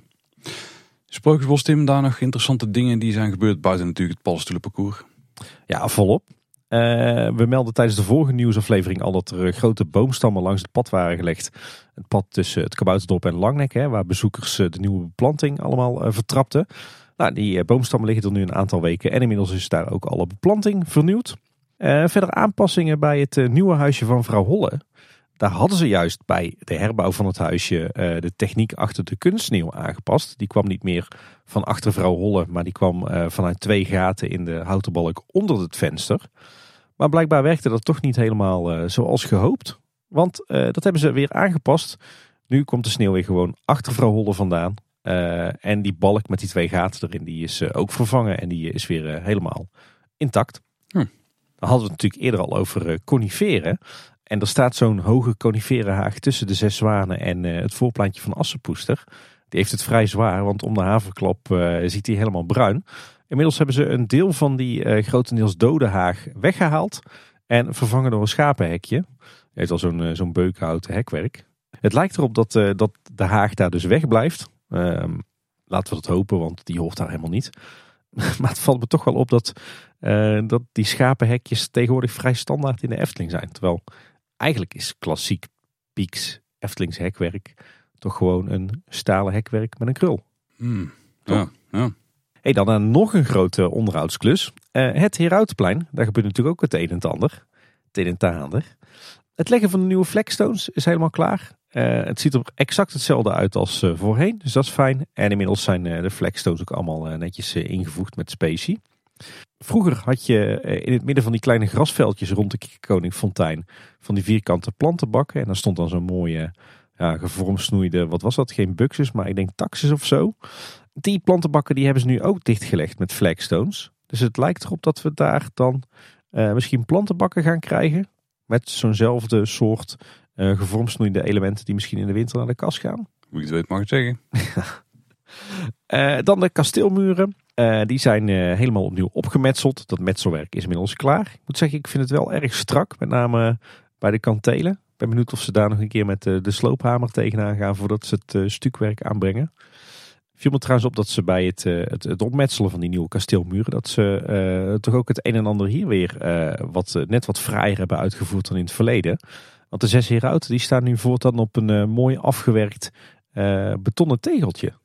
In plaats van dat ze nou, gewoon op een uh, metselwerk sokkel staan. Uh. En uh, de Efteling heeft inmiddels laten weten dat, dat het Herautenplein begin juni gereed is. Dus dat is over een week of twee alweer. Is nog wel flink te werken, denk ik. Nou, want, want de muren die moeten natuurlijk nog worden gestuukt en, en, en ingeschaduwd. De Herauten moeten nog terug. Het gras moet nog worden ingezaaid. We moeten flink gas geven, ja. Hey, en tot slot ook nog een positief nieuwtje bij de Indische waterlelies. Want daar werkt de waterval weer. In de wereld van Efteling zijn ze natuurlijk bezig met het Efteling Hotel. Langzaam maar zeker komt daar steeds meer van in de stijgers te staan. Bij de ingang eh, naar de lobby hebben ze ook zo'n houten tunnel getimmerd. Dus dat er, als mocht er iets naar beneden komen, het niet op je hoofd valt. Uh, aan één kant, dus de, de kant die eigenlijk richting Strooksrijk wijst, daar zien we dat alle kozijnen inmiddels al donkerblauw zijn. Maar zijn dit dan geschilderde kozijnen? Want ze hebben het wel heel snel gefixt volgens mij. Of zitten er nieuwe kozijnen in? Ja, dan vraag ik, me, vraag ik me ook af. Eh, ik zou bijna zeggen, doe maar meteen nieuwe kozijnen. Want dit zijn natuurlijk, waren natuurlijk nog kozijnen uit de jaren negentig. En als je dan nu uh, nieuwe kozijnen erin zet, dan is die isolatiewaarde is natuurlijk meteen een stuk hoger. Dus dat merk je dan ook wel in je comfort en in je, je, je verbruik van energie om de kamers warm te houden. Ik, eh, ik zou het doen. Volgens mij moeten ze sowieso dat gekleurde vlak, uh, wat zeg maar tussen twee ramen zit. Hè. Je hebt, zeg maar, als je kijkt van, van beneden naar boven, heb je telkens een raampje en dan gekleurd glas, raampje, mhm. gekleurd glas. Die kan je volgens mij sowieso niet, uh, niet schilderen. Dus die moeten ze dan toch al wel vernieuwen. Dus zou zomaar kunnen dat er gewoon uh, hele nieuwe kozijnen in die gevel gaan. Ja, qua timing zou er wel jammer zijn. Want dat duurt natuurlijk liever als je de kamers ook gaat renoveren. Want als je dan iets kapot maakt aan de binnenkant, dan is het makkelijk weer afgewerkt. Want dan moet je toch afwerken. We, we missen detailfoto's van de, deze werkzaamheden. Is daar een hint naar bepaalde mensen, Tim? ja. Bij het Landhuis op Bosrijk hadden we het de vorige keer over een, nieuw stukje verharding wat daar was verschenen. Er blijkt dus voor een eh, apart hoekje achter de scherm te zijn. Dan gaan ze rolcontainers plaatsen waar al het gebruikte linnengoed in eh, opgeslagen kan worden tijdelijk. Ik wou gedumpt zeggen, maar ze gaan het natuurlijk gewoon schoonmaken en dan weer terugbrengen. Ja. Dus uh, ook dat mysterie is opgelost. Ja, nog een laatste onderhoudspuntje waar de Efteling eigenlijk zelf helemaal niks mee te maken heeft. Maar toch wel opvallend. Het valt mij op dat uh, de stoplichten op de kruising, of eigenlijk de op- en de afrit van de N261 met uh, de Europalaan, dus zeg maar de, de route die je moet rijden om bij de Efteling te komen vanaf de snelweg, dat die de laatste tijd echt onder havenklap defect zijn. Oh. Verre van handig op zo'n drukke kruising. Is dat goed voor de doorstroom als ze kapot zijn? Of, Nee. Puntje voor de provincie. Voor de provincie in ieder geval, ja. ja. Zou er een, een, een onderhoudspodcast voor de provincie zijn? Denk het niet, Tim. Misschien een gat in de markt. Op de N65 zijn de bomen gesnoeid. je moet best wel een groot gebied in de gaten houden als je zoiets zou gaan doen. Dat is best een uitdaging. Moet je flinke redactie hebben. Tim, we gaan naar het uh, kort nieuws. En dan gaan we eerst kijken naar restaurant Kasba. Natuurlijk geopend begin april, maar er zijn nog wat aanpassingen gedaan. Uh, er zijn inmiddels uh, op de stretchtenten grote pironnen geplaatst. Gigantische pironnen zelfs. Gigantische pironnen, ja. Het entreehalletje, dus aan de kant van Vogelrok, daar had je nog van die witte aluminium kozijnen zitten. Ook van echt aan de vogelrokzijde, zeg maar. Die zijn aan de buitenzijde betimmerd. En op dezelfde wijze als voorportaaltje eh, geschilderd en, uh, en ingeschaduwd. En op uh, de bakstenen muur, die er eigenlijk strak tegenaan zitten, zijn twee Oosterse luiken aangebracht. Ik moet zeggen, lichte verbeteringen. Lichte verbeteringen. Lichte verbeteringen, ja. Er was ook ruimte voor verbeteringen. zeker, zeker. Hey, heb jij nog uh, vaak gegeten bij Kashba? Ik ben er niet meer geweest. Nee, ik heb ook niet heel veel tijd gehad om er naartoe te gaan, maar nee. Wij wel, eh, best wel een aantal keren. Ja, ik blijf erbij dat, het, dat ik het binnen best wel smaakvol vind, uh, vind opgeknapt. En je kan er gewoon hartstikke lekker eten. Het is wel een beetje duur. Maar wat we wel voor het eerst hebben gedaan, of althans ik met de meiden, is dat we zijn gaan lunchen in het uh, bediende gedeelte van Kashba. Dat hadden we nog niet gedaan. Ehm, ik denk, ja, dat wil ik toch ook wel ervaren. En dan vallen we daar een paar dingen op. Ehm, je moet dat natuurlijk online bestellen. dat gaat niet via de Efteling app of de Efteling website, maar via James. Dus denk ik een bekende applicatie bij andere restaurants ook. Dus gewoon een, een algemene app of eigenlijk een website waar, waar Laplace van gebruik maakt dan. Maar het aanbod daar is eigenlijk vrijwel hetzelfde als wat je gewoon zelf kunt halen in het self-service gedeelte. Uh, met als enige toevoeging een paar borrelplanken die je dan alleen in het bediende gedeelte kunt krijgen.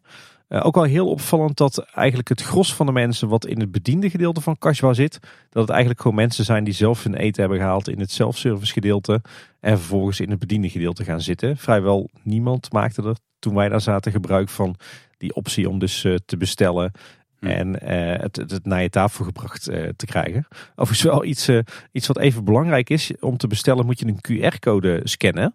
Maar je moet wel even de QR-code scannen die op de tafel ligt waar jij gaat zitten. En die zijn uniek per ja. tafel. En ik dacht bij binnenkomst ook, scan even een QR-code, dan kan ik vast zien wat er te eten is. En toen uh, zochten wij een plekje. een eindje verderop in het restaurant. En toen ging ik eh, vrolijk bestellen en betalen. En toen dacht ik, ja, wanneer moet ik nou eigenlijk mijn tafelnummer doorgeven? nou ja, dat hoef je dus niet te doen, maar je moet wel de goede QR-code gebruiken. Er was ook nog een soort van winter Efteling restpuntje. Buiten bij Max en Moritz daar hadden we die schans. Eh, met die bomen die erbij eh, stond. Die schans is eindelijk weg. Die moest nog opgeruimd worden blijkbaar. Maar die bomen waar die kippen ook op zitten, die lijkt het te blijven staan. Nou, die, die kunt ze op zich ook prima gewoon houden voor de zomer Efteling of voor de rest van het jaar. We zeggen dat dat wel toffe elementen zijn die we mm, nou, steeds minder zien in de Efteling. Van die omgevingselementen die niet bij een hoofdgebouw of zo horen, weet je wel. Wat dat betreft wel tof dat ze zoiets laten zitten. Nou, zeker. Ik hoop dat we in de toekomst bij een nieuwe project ook wel weer wat meer gaan zien. Zoals we weten gaat er aan eh, Strookrijk, dus tussen de verlegde Horst en Strookrijk, een hekwerk verschijnen. Er is inmiddels ook een vergunningsaanvraag voor gedaan. En die is specifiek voor het plaatsen van een hekwerk met schuifpoort, het aanleggen van een greppel aan de Horst en het aanleggen van een in- en uitrit. Dat is ook waar ze al die eh, snoeiactiviteiten voor hebben gedaan de afgelopen maanden. En als we dan toch over van die randactiviteiten hebben, Tim, rondom de Efteling. We hebben die tijdelijke verhouding op P3 nog steeds liggen. Die vergunningaanvraag die was voor 22 weken en die zou gelden vanaf begin 2022. Zou er een nieuwe vergunning voor moeten komen of zo? Want die, die 22 weken zijn al lang voorbij. Het aantal keer dat ze die hebben willen inzetten, hebben ze niet gehaald, denk ik. Nee, in de verste verte volgens mij niet. Nou, misschien een- een derde tot de helft of zo. Maar... Ja, misschien dat ze het aantal keren eh, waar die voor bedoeld was binnen die 22 weken, dat ze die uiteindelijk dan behaald hebben binnen, ja, wat zal het zijn, die anderhalf jaar dat het nu daar zo verhard bij ligt. Ja, nou, het ligt er nu zelfs een beetje verweerd bij inmiddels. Een beetje... Ja, ze hebben toen een vergunning aangevraagd voor 22 weken. Hè. Dat was eigenlijk een, een noodvoorziening toen ze op P2 die carports met zonnepanelen aan het, eh, het aanbrengen waren. Volgens mij gaven ze toen eh, op de blog zelf aan dat ze na die werkzaamheden deze verhouding weer zouden verwijderen.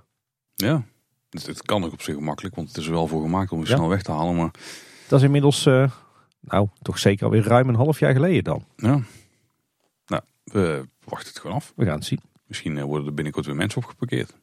Tegenwoordig zit de statiegeld op blikjes, Tim. Dat betekent natuurlijk dat de, eh, de plekken waar je de petflessen kon inleveren in Efteling een beetje achterhaald zijn. Want daar willen ze nu ook de blikjes mee accepteren. Dus al die eh, flesbakken die zijn nou voorzien van nieuwe bestikkering. Alleen blikjes en plastic flesjes. Het statiegeld gaat naar Villa. Dus een kort maar krachtige tekst.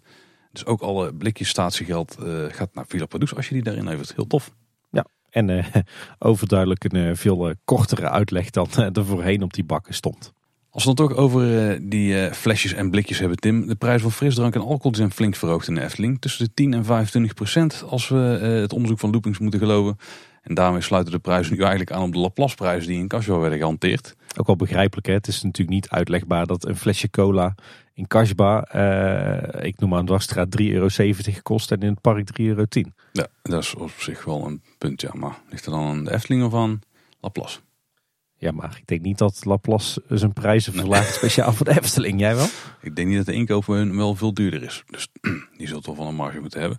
Heeft ook wel een effect, want ik merk eh, aan mezelf, aan ons, dat steeds vaker als we met het gezin naar de Efteling gaan, dat we dan eh, zelf gewoon maar een paar flesjes drinken meenemen. Ja, ja dat doen wij zelf ook nog wel. Als je vooral wel waterzorg altijd dat we daarbij hebben. Ik koop toch nu minder snel een flesje in het park zelf. Ja. Loopings heeft een, eh, een lijstje gemaakt met concrete voorbeelden van eh, de voor- en naprijzen. Als we het toch over drinken hebben in de Efteling. Er is een nieuw standaard bier in de Efteling. Het was altijd Jupiler. Lijkt nu voortaan Hertog Jan te zijn. En in het algemeen nog eh, een horeca-update. Bij de Hoffelijke Ruit dit voorjaar een nieuwe kaart verschenen. Die noemen ze het kleine Zeemermin menu. Er staan eh, erg veel diverse smakelijke dingen op trouwens. Ja, en allemaal een beetje in het, eh, het thema van eh, de kleine zeemermin en vis. Hè?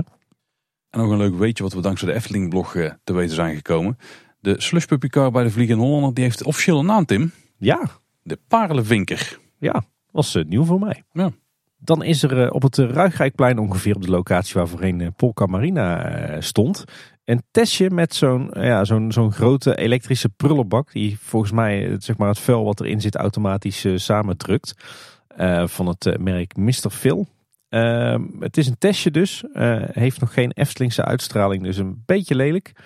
Maar eh, ik hoop toch dat als ze ervoor kiezen om dit soort prullenbakken standaard te gebruiken in de Efteling. Dat, eh, dat we dan een, eh, een mooie uitvoering krijgen. Dan door naar de merchandise, want er is natuurlijk ook vier weken aan merchandise nieuws. De vorige nieuwsaflevering hadden we het al over de LP. Die werd uitgebracht met een beetje de meest populaire Efteling muziek. De verkoop daarvan was een succes. Flinke rijen voor de Efteldingen op de dag van, van uitgaven. Maar gelukkig geen chaos en de platen zijn ook niet uitverkocht. Het is wel leuk op het moment dat eh, de LP werd verkocht, eh, die eerste dag, eh, was Fons Jurgens present in Efteldingen en maar liefst alle vijf de ruiters van Ravelijn om de, de LP te signeren. Er is ook een nieuwe productlijn in de Marskramer en Efteldingen gelanceerd. Plant je eigen sprookjesbos. En dat zijn aanzichtkaarten, kleurplaten en uitnodigingen en confetti met erin bloemzaadjes verwerkt. Bloeipapier noemen ze dat. Dus je krijgt echt gewoon iemand een aanzichtkaart sturen. En die kaart aan zich, die kunnen ze dan planten tussen airquotes. Gewoon op goede bodem leggen, water eroverheen. En dan komen daar vanzelf uh, planten uit tevoorschijn. Dat is een samenwerking met Bloem. Ik ken de organisatie niet, Tim, jij wel? Nee, ik ook niet. Ik heb ze even, even opgezocht. Maar het is echt wel een, een hele toffe club die uh, heel erg bezig zijn met uh, duurzaamheid, biodiversiteit, uh, bloemetjes en bijtjes. Dus daar word ik heel blij van. In totaal zijn er zes verschillende producten verkrijgbaar. Check daarvoor even het blogbericht wat we linken in de show notes. Daar staan ook uitgebreide omschrijvingen en de prijzen bij. Een hele, hele, hele toffe samenwerking wat mij betreft. Vanaf dinsdag 9 mei is er ook een andere nieuwe souvenirlijn te verkrijgen in de Efteling. De Geometric Line. Die bestaat uit een canvas tas, een big shopper, t-shirt, sweater, uh, hoodies. Twee verschillende notitieboekjes, paraplu, verschillende mokken, een keycord, set van drie pins. Nou, ze hebben gewoon alles, Tim. Een sleutelhanger erbij, een pen. 17 verschillende items. Ze hebben gewoon alles in de catalogus aangevinkt. Ja, ik, ik, ik, denk het wel, ja. Ook wel aandacht voor duurzaamheid trouwens bij deze productlijn.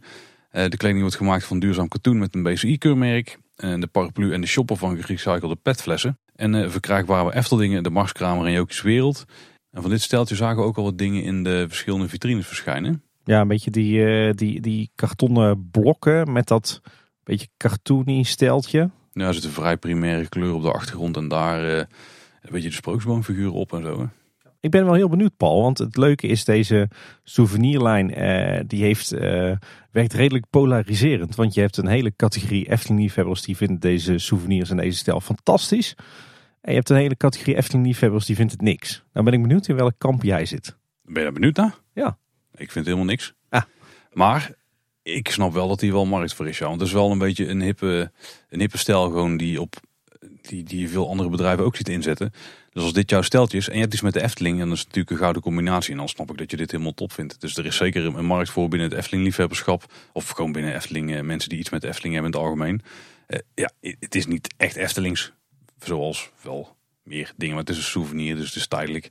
Zolang ze dus niet hele winkels ermee gaan bekleden. Als ze wel een beetje hadden gedaan, dan, dan, heb ik daar helemaal geen probleem mee. Want uh, voor ieder wat wils wat dat betreft. Dus uh, nou, ja, niet mijn ding, maar ik snap wel dat er markt voor is. Ja. ja. Ja, ik vind het ook niet mooi, maar ik ben me er wel bewust van dat het gewoon een kwestie van smaak is. Ja, ik heb wel mensen in mijn omgeving horen zeggen van, oh, de stof dit. Weet je wel, er zijn dingen die je ook voor school zou kopen of zo. Of, uh, dus ik snap het. Ik snap het zeker. Ja, ja er zijn ook mensen die uh, kijken hele zondagen naar Formule 1. Ja, en ook mensen die spelen gewoon nooit een computerspelletje. Precies. Dan uh, ook nieuwe mokketim. Die zijn er in verschillende thema's. Zoals Ravelijn, Symbolica, Max en Moritz, Sprookjesboom en Droomvlucht. Kost een tientje de stuk. En ze zien er een beetje uit alsof je zelf een, een foto naar de HEMA hebt gestuurd en dat op een mok hebt laten drukken. Ah, dus dat had beter gekund. Dat voegt niet veel toe. Er was een klein relletje over die blomstickering op, op de ramen van de Marskramer. Die zijn voor het grootste deel weer verdwenen. Alleen aan de zijkanten vinden we nog een displaytje daarvan.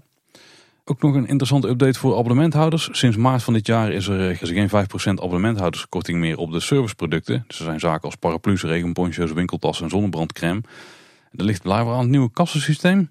Want daarbij wordt met korting per categorie verwerkt, horen wij bij monden van Efteling op serviceartikelen, waaronder ook postzegels, luiers en batterijen, zit geen korting omdat deze artikelen niet worden gezien als souvenir. Mogelijk wordt de verandering over een tijdje weer teruggedraaid als het kassensysteem aangepast kan worden. Onze afdeling retail denkt er op dit moment nog over na. Een uh, systeemprobleempje dus. Ja, zou er zo zijn, want zo ingewikkeld kan het toch niet zijn. Als er al een schifting kan zijn, dan is het er niet zo heel moeilijk om die dingen anders in te delen.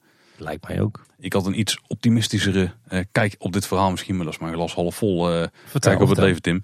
Ik denk die serviceartikelen die maken ze bewust niet heel duur, omdat als je ze echt nodig hebt, dan moet je daar niet schofterig veel voor betalen, waardoor je er eigenlijk ook geen korting op kunt geven. Dat dat dan uh, het verhaal zou zijn. Dat is een hele mooie, Paul. Alleen, ik weet niet of dat zo is. Paraplu's kun je goedkoper krijgen dan in de Efteling, maar daar staan natuurlijk geen Efteling figuren op. En ik heb een goede tip. Oeh. Als je nou gewoon zorgt voor een regenjas, hoef je ook geen paraplu of poncho te kopen. Dat is een vrij goede tip. En hoe zit het dan met die laarzen? Die kun je toch al niet in de Efteling kopen. Precies. Af en toe voor kinderen trouwens. Dat ja. Een entertainment update, Tim. Blijkbaar is er sinds kort weer een Aquanura ochtendshow.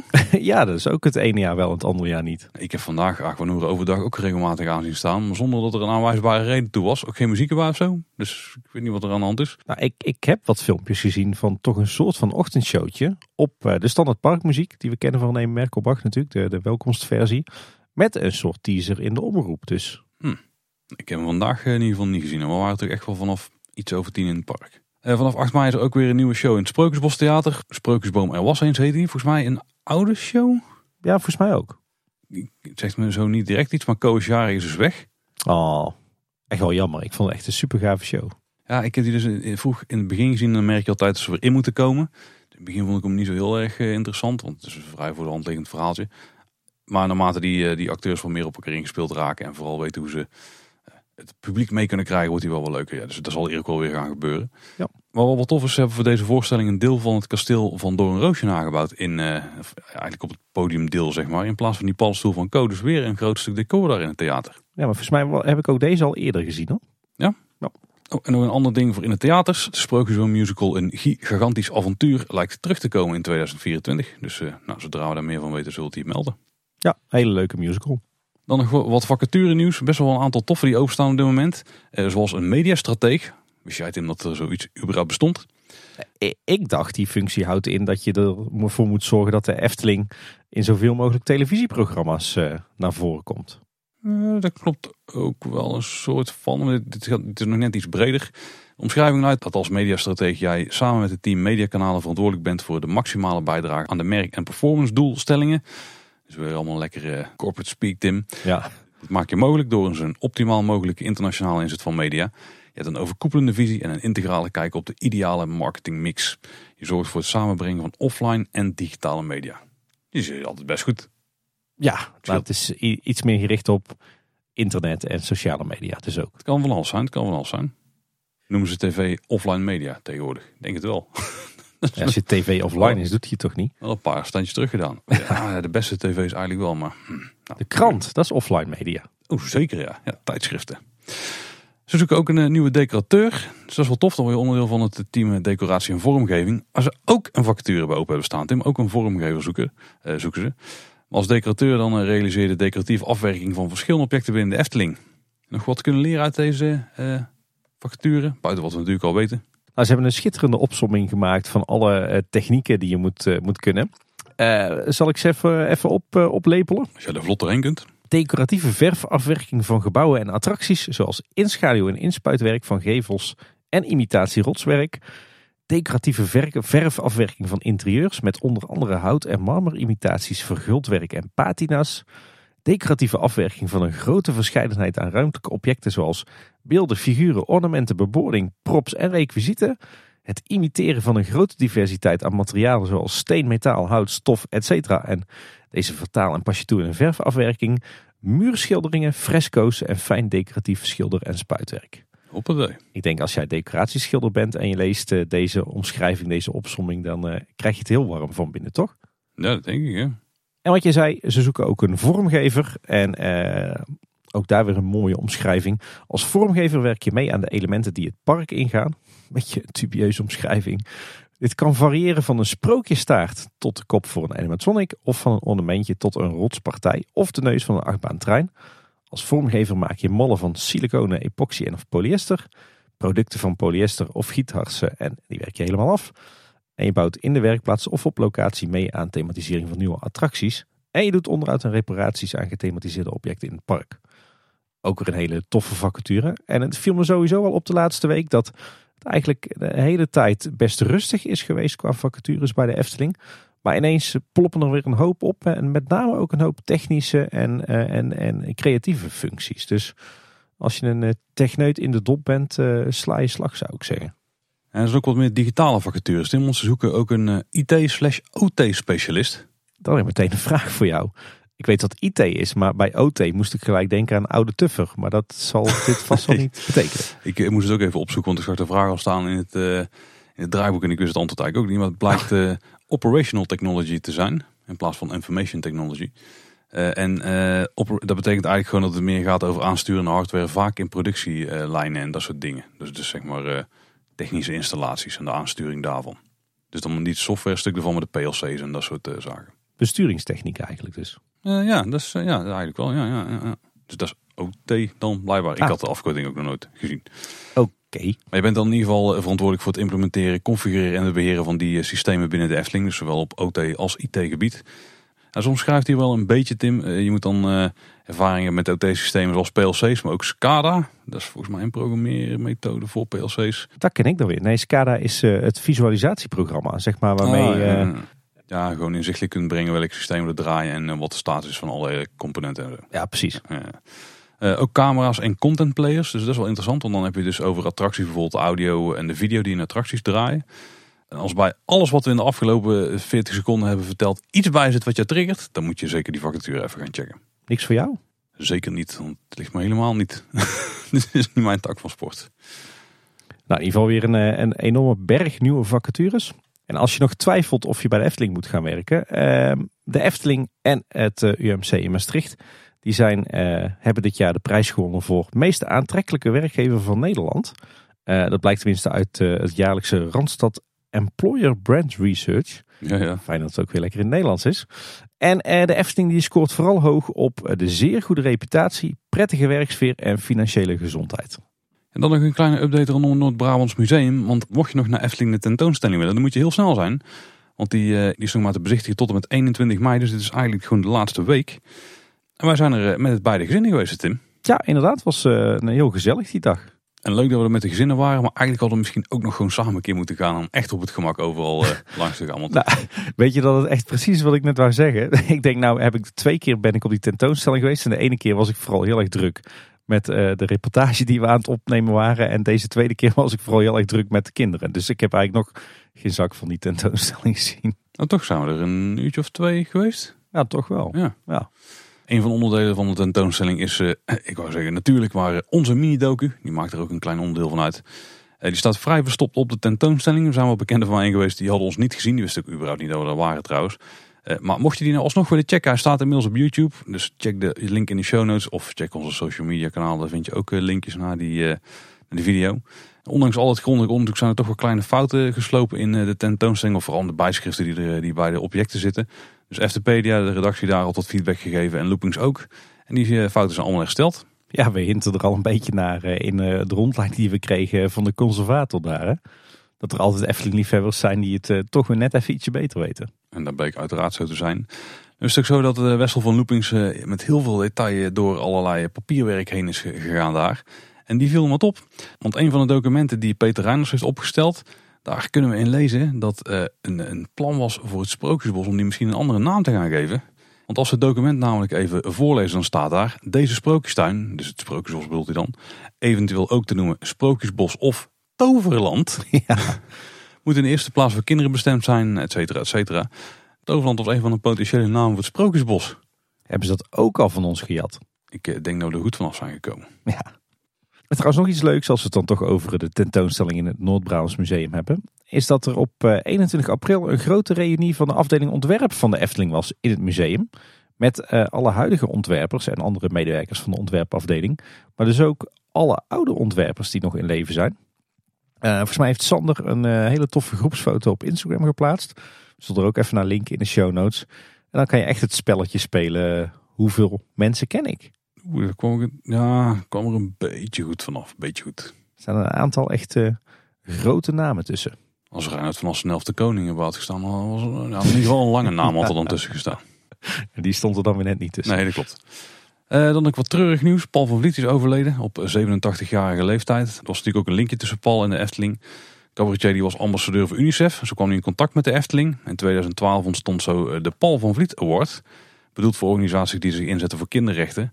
Maar eh, je kunt Paul van Vliet ook iedere dag nog horen in de Efteling. Want vrij kort daarna sprak hij ook het sprookje De Nieuwe Kleren van de Keizer in vrij kenmerkend moet ik zeggen. En ik vind het altijd wel, is wel mooi ingesproken daar. Ja, mooie stem inderdaad. Ja. Dan nog wat FTP-updates die wel echt de moeite van het noemen waard zijn. Er is een fotoserie geplaatst van de opening van Droomlucht op 10 juni 1993. Met daarbij een, uh, toch al een aantal bekende uit eerdere kleine boodschap afleveringen. Ja, en ook een eh, hele mooie foto van het vuurwerk. Waarbij je toch echt wel kan afvragen of dat het wel zo'n goed idee was om daar af te steken. En zelfs nog een foto van de resten van die naar beneden waren gekomen uit het ingangsportaal van Droomvlucht, waar ze snel een zeiltje overheen hadden getrokken. En ook andere nieuwe toffe foto's, namelijk foto's van de bouw van Fata Morgana, die wij niet eerder hadden gezien. Met name van, tromgeroffel, animatronics in aanbouw. Ja, echt heel gaaf. Bizar gezicht om al die animatronics uh, te zien. Bestaande uit alleen uh, wat, wat schalen en, en wat maskers. Voordat we doorgaan naar de reacties van luisteraars, Tim, eerst nog wat uit de periferie. Want in eerdere aflevering hebben we het uitgebreid gehad over allerlei transportmogelijkheden in en rondom de Efteling. En de gemeente Tilburg had het plan lopen voor een tram of een light rail. En nu is toch wel bekend geworden dat de stad daarvoor te klein is. Voor in ieder geval die light rail. Dus in de toekomst zouden ze willen gaan investeren in bus rapid transit. Oftewel een snelbus die iedere vijf of tien minuten zou rijden tussen Tilburg en de Efteling. Ja, dat betekent dus ook een, een klein beetje denk ik de doodsteek voor het plan uh, voor een light rail tussen Tilburg en de Efteling. Dat lijkt me dan ook niet te gebeuren. Nee, maar iedere vijf tot tien minuten een bus bij de Efteling die richting Tilburg station rijdt. Nou, niks mis mee toch? Klinkt prima. Zeker als het dan een elektrische bus kan zijn. dat is misschien zelfs wel een voorwaarde. Dan tijd om een reactie van een luisteraar te behandelen. We kregen namelijk een mailtje van Marcel Kip en die schrijft... Hallo weer, ik hoor jullie regelmatig over relatief kleine defecten aan attracties of aankleding van het park... met soms grote gevolgen voor de beleving. Ik pik er even een voorbeeld uit. Het niet werken van het mist- of watereffect in droomvlucht. Hoe is het toch mogelijk dat de Efteling dat soort zaken niet relatief snel oplost? Of bijvoorbeeld piepende of krakende onderdelen in het sprookjesbos die niet horen te piepen of te kraken. Het gaat dus niet om grote renovaties, maar om kleine reparaties of verbeteringen die grote gevolgen hebben voor de beleving. Nou, de vraag is dus, hoe kan het dat de Efteling dat soort dingen niet relatief snel oplost? Nou, daar zijn denk ik wel een aantal uh, antwoorden op te geven. Kijk, ik denk dat het belangrijkste is dat uh, in, een, in een park met de omvang van de Efteling, de complexiteit van de Efteling, dat er altijd heel veel dingen kapot zijn. Dat is bij mij thuis al het geval. Laat staan in, in een park in de Efteling. En je hebt natuurlijk uh, een bepaalde omvang van, van mensen die storingen oplossen. Ja, dan ga je prioriteren. En eh, we weten dat bijvoorbeeld uh, storingen die te maken hebben met veiligheid of met het functioneren van attracties, die hebben prioriteit. En daarna komen storingen bijvoorbeeld in de horeca, want ja, daar moet het geld worden verdiend. En ik denk dat de, de kleine storingen, die hangen gewoon stevast onderaan de prioriteitenlijst. Dus die, doen ze, die pakken ze alleen op zodra ze daar tijd voor hebben. En ik denk dat vaak ook het probleem is met relatief kleine defecten, dat ze toch vaak wel ingewikkeld zijn. En dat er misschien mhm. eh, een onderdeel voor besteld moet worden waar een lange levertijd op zit. Ehm, of dat het iets is wat zichzelf gewoon helemaal niet snel op laat lossen. Hè. Je, uh, Marcel heeft het bijvoorbeeld over die misteffecten in droomvlucht. Ja, weet je, daar kan daar van alles mee spelen. Het kan heel ingewikkeld zijn. Het kan iets met, met, met legionella te maken hebben waar wij iets totaal nieuws voor ontworpen moet worden of zo denk dat er te snel gedacht wordt dat het allemaal heel simpel is om dat soort kleine defecten op te lossen. Ik denk dat daar vaak juist heel veel werk in kan zitten. Ja, en dan draait het toch om uh, prioriteit te stellen.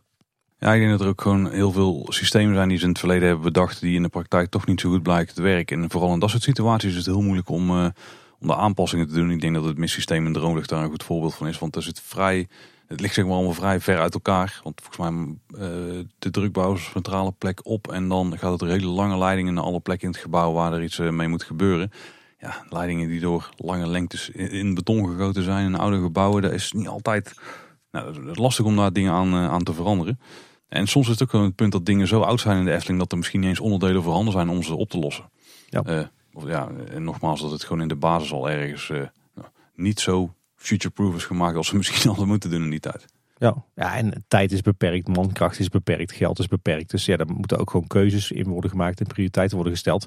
En ik denk als je kijkt naar uh, de afgelopen anderhalf jaar, sinds corona echt uh, de wereld uit is geholpen, dan is het toch uh, zeer indrukwekkend om te zien hoeveel defecten en storingen dat wel worden opgelost.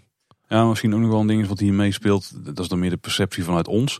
Wij zijn de liefhebbers, we houden ieder detail in de gaten. En als er iets niet is zoals het zou moeten zijn, dan vinden wij het jammer. Want dan weet je dat degene die dat meemaakt, dat hij niet de optimale beleving heeft. Maar degene die het meemaakt, die is zich helemaal niet bewust van dat zo'n detail er ooit was en nu niet is. Waardoor hun het niet per se missen. Of dat er, dat er misschien iets, uh, een piepend geluidje is. Maar hun zijn al zo overweldigend van alles wat ze zien. Dat ze die piepende banden van het, of die, het kraken van het systeem van droomlicht niet opvallen, zeg maar. Want die zitten er niet voor de vijfde, zesde, twintigste keer dat jaar in, weet je wel ik snap daarom ook wel de prioritering van de Efteling zelf. Die ze geven aan die, uh, die issues. Dat bepaalde dingen die hebben gewoon meer impact voor iedereen. Ook mensen die het voor de eerste keer bezoeken. En dan zijn er gewoon wat dingen die bungelen onderaan. Want ja, de mensen die er heel vaak ingaan, die weten hoe het ooit was, die valt het op. Dan zijn andere dingen toch belangrijk om op te lossen dan, dan die, ja, die, die kleine defecten. Ja, en als je gewoon kijkt wat, wat er sinds 2022 weer aan, aan een hoop onderhoud wordt gedaan in het park, dan denk ik dat we, dat we heel erg gelukkig zijn. Absoluut, ja. ja, ja. Hey, en Paul, dan uh, zijn we toch aangekomen bij je. en dan nog dit. En uh, dan ben ik vooral even benieuwd naar jouw vakantie natuurlijk. Nou, ik wil er niet super uitgebreid op ingaan als in de reis aan zich. Het heeft niet heel veel pretparkrelatie, maar Tripsdale wil ik wel even uitlichten. Met name omdat we daar, nou, ik ging er om twee redenen heen. Ten eerste veel goede dingen over gehoord over het kleine schattige park in Duitsland. Wat echt absoluut de perfecte manier is om te omschrijven, denk ik. Maar je mag er ook met je Efteling abonnement gratis in. En dat is toch een beetje dat ons bloed wat ergens vanaf boven de rivieren naar beneden gecycled, denk ik. Ja. En, en de, de route was op dit geval ook zo om te leggen dat we die kant op gingen. Ik moest wel een beetje moeite doen in de planning, want het was niet per se de meest logische hoek omheen te gaan. Maar toen de route een beetje zuidelijk naar beneden kon drukken, dus in uh, Europa, toen kwamen we er min of meer vanzelf langs. Al ligt het echt in de middle of nowhere, kwam ik achter. Je, je zorgde ervoor dat je er langs kwam. Ja, dat is, dat is op zich wel waar. Ja. Maar op een gegeven moment was uh, iedereen het ermee eens. De kinderen sowieso, maar de vrouw is natuurlijk het allerbelangrijkste die er, die ja. er ook mee moet zijn. Ik heb een paar plattegrondjes meegenomen, Tim. Ook eentje voor jou. Wauw. Die in de sammelbak kan. Uh, nou, Wat een plattegrond alleen al. Ja, wat ga ik erover zeggen? Als je de plattegrond ziet, dan, uh, dan voelt het al een beetje kneuterig. Hè? Zeg maar heel veel van die, van die donker, bordeaux-rode daken, zeg maar. Van lijststeentjes. Met een beetje vakwerkhuisjes aan de voorkant en zo. Die zie je een beetje een centrale stuk. Je voelt ook echt heel erg van wat het oudste stuk is. Wat de ja. kern is, zeg maar. Een beetje sprookjesbos vandaar. En van waar we dan uitwaait over de wat uh, modernere gebieden. Um, is een, een parkje in, uh, in Duitsland. Uh, in principe als je, ja, het is niet echt op de richting, richting Europa Park, maar het is een vergelijkbare afstand rijden ten opzichte van Nederland. Alleen het ligt echt in de middle of nowhere. Waar Europa Park gewoon aan een grote snelweg ligt, moet je hier allemaal van die binnenwegen rijden waar je, nou ja, met een beetje geluk, ja, je mag er dan 100, maar daar kan je echt niet met goed fatsoen rijden. Als je er eenmaal bent, dan is het allemaal prima. Het ligt in een, eh, een gebied vol met wijngaarden en zo. Volgens mij heeft de familie ook heel veel met wijn die het uitbuit. Want het is een familiepark, als in Beert, door een familie. Uh, er zijn namelijk wat plekken waar je de lokaal verbouwde wijn kunt kopen. Er is ook tripsdrillwijn en zo. Er is ook een wijnmuseum in het park zelf. Waar ze allerlei oude apparaten hebben. En uh, nou ja, daar hoor je het al een beetje. Het is, een, het, het is schattig. Dat soort dingen maken het best kneuterig, zeg maar. Daardoor voelt het ook best wel klein. Authentiek? ja, soort van het is Duits, hè, dus het, het is uh, allemaal heel clean en zo. Het, ze hebben wel een van de, bij binnenkomst meteen een van de tofste Main Street stukjes, denk ik, die ik ooit heb gezien. Daar hebben ze gewoon Duitse vakwerkhuisjes gedaan, zoals die al duizenden hadden gezien, denk ik, die heel die vakantie. Uh, maar die zijn echt op een hele toffe manier um, gerangschikt, zeg maar. Waar je echt bijna door zo'n ouderwets dorpstraatje heen loopt. Meer landelijks dorpstraatje, niet zonder kaarsrechten die je op heel veel plekken ziet. Uh, waar dan al die gebouwen aan liggen. Maar in die gebouwen zit dan bijvoorbeeld gewoon zo'n mini Monkey Town of zo verstopt. Dat is dan ah, een ja. schaal. Maar uh, vanaf de buitenkant ziet het er echt uh, super tof uit. Hoe oud is het park eigenlijk? Oeh, dat is eigenlijk een hele goede vraag. Het voelt wel dat, het, dat de kern er al zeker een jaar of veertig of zo ligt. Maar dat is echt gevoel. Ik heb geen idee. Ik heb het niet opgezocht. Misschien is het veel langer. Ja, het zal niet veel recent zijn. Het voelt wel dat het is begonnen in de jaren tachtig of zo. Even opzoeken voordat we de buitenwereld gaan opnemen. Uh, dan, uh, ik, ben al uh, die route aan het uitwerken met iets meer detail. En ik heb al veel meer geleerd over de plekken dan ik wist op, dan op het moment dat we er waren. Dus dat is altijd mooi.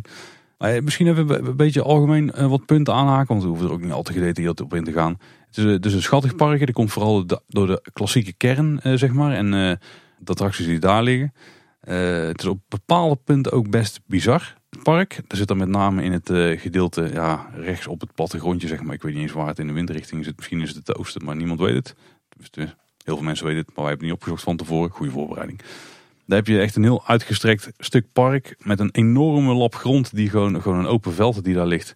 Waarom? Uh, dat weet ik niet, zal vast de reden zijn. Het is een soort speelweide daar, maar dan nog groter. En je kunt gewoon naar de overkant kijken waar ook gewoon paden liggen waar je overheen kunt rijden, kunt lopen. Want de routing is ook echt wel een ding daar. Ik, je kunt het hier zien, Tim. Je hebt de kern van het park. En dan heb je het nieuwe deel van het park. En er is maar één pad waar, hoe je daarheen kunt naar het nieuwe deel van het park. Of tenminste het oude nieuwe deel van het park. Maar dat komt dadelijk, wordt wel duidelijk. En dat is één pad wat onderlangs loopt. En als je dan denkt, hoe kom ik dan bij het, het hoofdplein, het, het, centrale plein in het begin. Ja, daar kun je dus eigenlijk niet direct komen, want er loopt helemaal een pad door. Je moet dan echt om een heel stuk oud park heen, voordat je naar het nieuwe park kunt. Echt Maar dat is dan nog niet eens het bizarre. Het bizarre is het hem voor een deel in de thema's. Je hebt bijvoorbeeld een, uh, een lokvloem en daar zit je niet in een, uh, in een lok, dus in een boomstam, maar je zit daar in een badkuipen.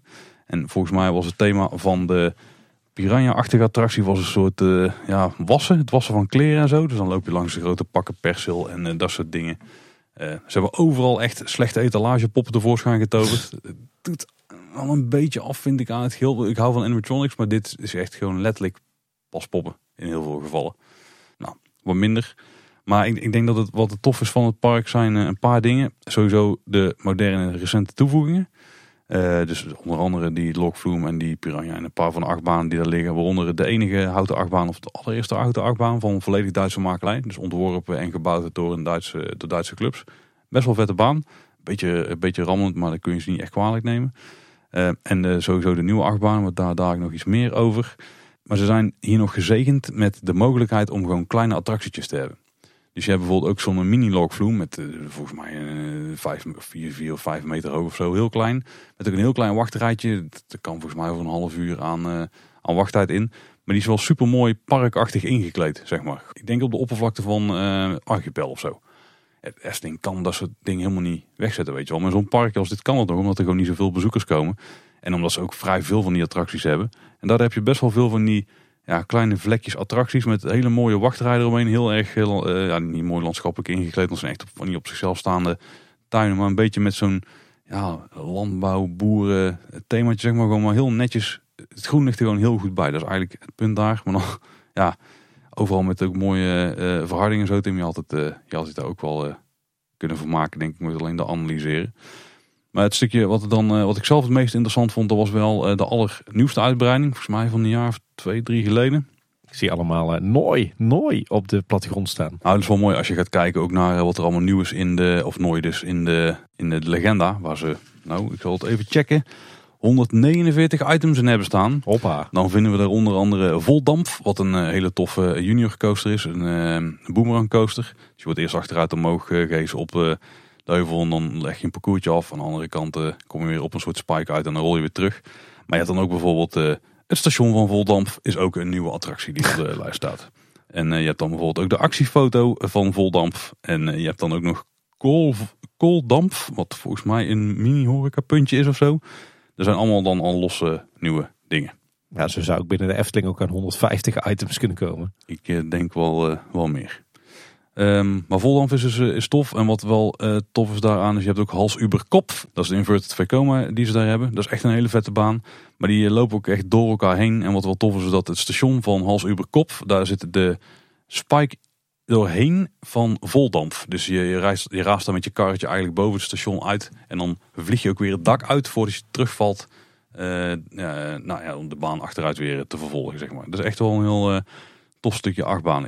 Zo'n type baan volgens mij ik wel meer mensen horen roepen. Maar het zou in, niet meer staan in de Efteling. Ook die combinatie van. Al is capaciteit natuurlijk wel een dingetje. Er rijdt daar maar één trein op uh, de baan. Dat kan bij de Efteling nooit, want dan uh, schiet het niet op. En uiteindelijk zo'n BNM dat je met z'n vieren naast elkaar zit. Als het inverted is, werkt net iets beter denk ik voor de capaciteit in de Efteling dan uh, gewoon met z'n tweeën naast elkaar. Maar die, ik heb nu twee van die inverted Vekoma's gedaan en die waren eigenlijk alle twee enorm goed bevallen. En uh, wat het bij ons wel extra bijzonder maakt is dat het de eerste achtbaan is geweest met inversies die mijn oudste dochter heeft gedaan. Oh, cool. Geen Python. Uh, het is wel een klein beetje pijn natuurlijk. Ja, ze had heel de vakantie erover. Als we thuis zijn, uh, dan wil ik de Python gaan doen. Ah, dat is goed. En toen liepen we naar het park. Papa, ik ga deze doen. Je weet dat hij over de kop gaat, hè? Ja, ja, dat weet ik. Ik denk, oké, okay. maar dan moet ik even checken, want het waren dan, het is zonder schouderbeugels en zo, hè, zoals al die moderne dingen. Maar die stoelen en zo, die zaten prima, dus dat ging, ging heel goed.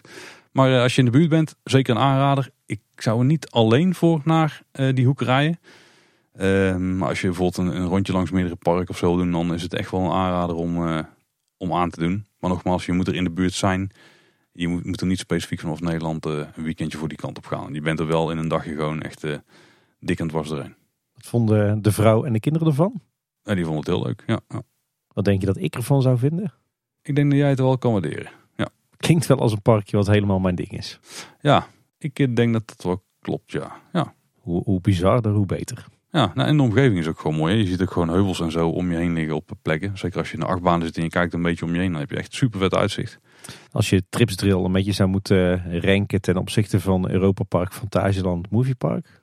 Ja, Movie Park ben ik dus al een hele tijd niet geweest, maar ik, ik denk dat die, nee, dan zou, dan zou die wel onder Europa Park en Fantasieland zitten. Maar wel, eh, volgens mij zeker boven Movie Park. Ik denk dat ze qua aanbod, het voelt allemaal net iets groter en zo dan wat ze in Movie Park hebben. Van wat ik weet. Want ik ben er al Cool. een hele tijd dus niet Ja. geweest. Ja. Tof.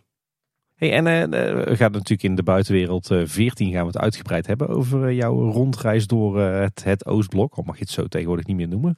Maar heb je, eh, om dat even te teasen, nog wat leisure highlights eh, die jullie tijdens jullie vakantie ook nog hebben aangetikt? Nou, ik kan wel even grofweg de, de, de route goud doornemen. Dan krijg je er al iets van een idee van.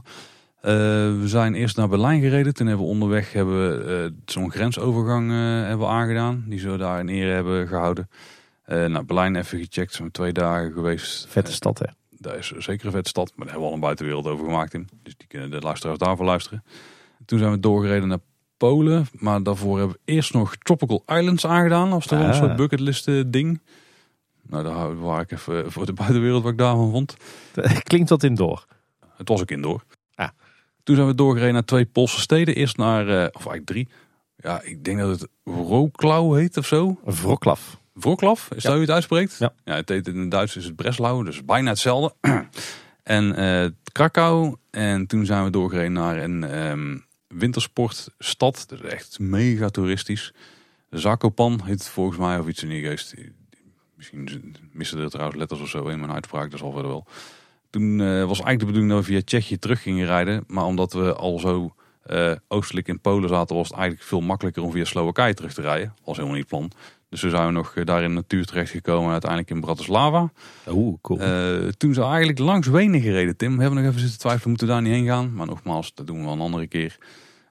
En toen de Donau afgereden, totdat we ja, bij, ehm, bij het Bayersche Woud kwamen. Toen hebben we daar nog ook trouwens een parkje gedaan met de langste achtbaan in Beieren. Ja, ja, ja, ja, ja. Dat was zo'n, eh, dat is ook nog wel lesje trouwens. Dat was een combinatie van rodelbaan, alpine coaster en eh, normale achtbaan, zeg maar. Klinkt goed. losse munten verkopen. Dan kon je al die dingen afgaan. Dat was best wel lachen. Ja, en toen nog via Nuremberg naar Tripsdrill gegaan en toen naar huis gereden. Dat was eigenlijk het rondje. Ja. Geen, eh, geen concentratiekamp eh, bezocht? Nee, met de kinderen besloten om dat maar nog niet, eh, nog niet te doen. Nou ja, snap ik wel. Bewaren we voor, voor ooit. Nou ja, welkom terug in Nederland zou ik zeggen. Nou, was even wennen. En vandaag pas voor het eerst naar de Efteling geweest. Dat was ook een tegenvaller. ja. Je kan niet alles hebben, hè? Nee. Hebben jullie iets gedaan Tim in de vakantie? En vooral de vrijstelling van het opnemen? nou, hoef je niet op te nemen de afgelopen weken. Dus je had alle tijd voor andere dingen. Ja, nou, volop leuke dingen gedaan natuurlijk. Eh, waar ook, eh, ondanks dat we zelf geen vakantie hadden, waren er ook eh, heel wat extra vrije dagen. Maar voordat ik bij on- onze uitjes kom, toch even een stukje follow-up van het end dan nog dit blokje. Want jij kan je misschien wel herinneren, misschien de luisteraars ook wel, dat wij vorige zomer naar Wenen op vakantie gingen met de nachttrein. Dat dat best een Spartaanse ervaring was, maar dat met name de terugweg een drama was met een trein die niet verder reed dan Keulen eh, midden in de nacht. En daarna moest het zelf maar uitzoeken en reed er niks meer naar Nederland. En uiteindelijk hebben we voor 400 euro de taxi terug naar huis moeten nemen. We hebben toen een klacht ingediend bij NS International. eh, omdat ze eigenlijk op geen enkele manier eh, ons ook maar enige hulp boden op die terugreis. Negen maanden lang niks van gehoord. En van de week kwam er ineens reactie vanuit NS International. Kort door de bocht. dat ze het nog steeds zo enorm druk hadden op de klantenservice. Dat ze maar hadden besloten om onze klacht niet meer inhoudelijk te behandelen. Maar gewoon onze volledige terugreis eh, terug te betalen. Oh, netjes. Dus dat is toch eh, vrij netjes. Een beetje rare toelichting. Maar goed, eh, dat voegen we weer toe aan het vakantiebudget. Ik weet misschien wel waarom ze druk hadden, Tim. Want ik heb laatst, ik luister wel eens de, de Verrossen, of Maarten Verrossen podcast. Eh, met name voor de geschiedenisdingen en zo. Maar die was ook naar Wenen geweest. Ook met de trein. En toen dacht ik al, oké. en toen was hij in Wenen. En toen kreeg ik ook een verslagje van zijn heenreis. Eén groot drama. Oké. Oh, die moet ik eens even gaan terugrijden, eh, terugluisteren dan. Ik denk dat ze vooral heel veel eh, klachten hebben daar op de klantenservice. ja, dat denk ik ook. Dan heb je het druk. Toch jammer eh, als je mensen uit de auto en het vliegtuig wil krijgen, toch? Ja, nee, dat was ook zijn conclusie. Hij, ging, hij wilde niet vliegen, daarom ging hij met de trein. Maar uiteindelijk was het de beste optie. Misschien wel de bus voor de volgende keer. Ja, ik snap hem. Hey, ja, onze mei-vakantie, die we dus niet hadden, maar uitjes. Wat hebben we allemaal gedaan? Even wat highlights. We zijn een dagje naar Brussel geweest. Eh, met een, eh, een goede vriend uit België ook. Eh, Anne en ik waren een jaar of acht geleden al wel eens een dagje in Brussel geweest. Toen nog zonder kinderen. Nu gingen de kinderen mee, dus een beetje aangepast programma. En we zijn natuurlijk naar het Atomium geweest. De luisteraars zult het wel kennen. Wat heel tof was daar is dat ze een aantal bollen, uh, voor, voorheen hadden ze in alle bollen allemaal exposities over uh, redelijk nerdy dingen. Dus dat vonden wij dan wel tof. Maar ze hebben nu een aantal exposities opgeruimd en in plaats daarvan een hele vette uh, lichtshow in die bollen. Echt super gaaf. Uh, we zijn ook naar Mini Europe geweest. Dat ligt ernaast. Het is eigenlijk een soort Madurodam. Maar dan met uh, bouwsels uit uh, zo'n beetje alle grote Europese steden. Beetje verguisd door mensen. En volgens mij zou dit park ook twintig jaar geleden al weg moeten. En het ligt er nog steeds. En er is sindsdien weinig meer aan onderhoud gedaan. Maar wel zo'n zo'n lekker fout plekje, weet je wel. Ja, ik ben daar dol op.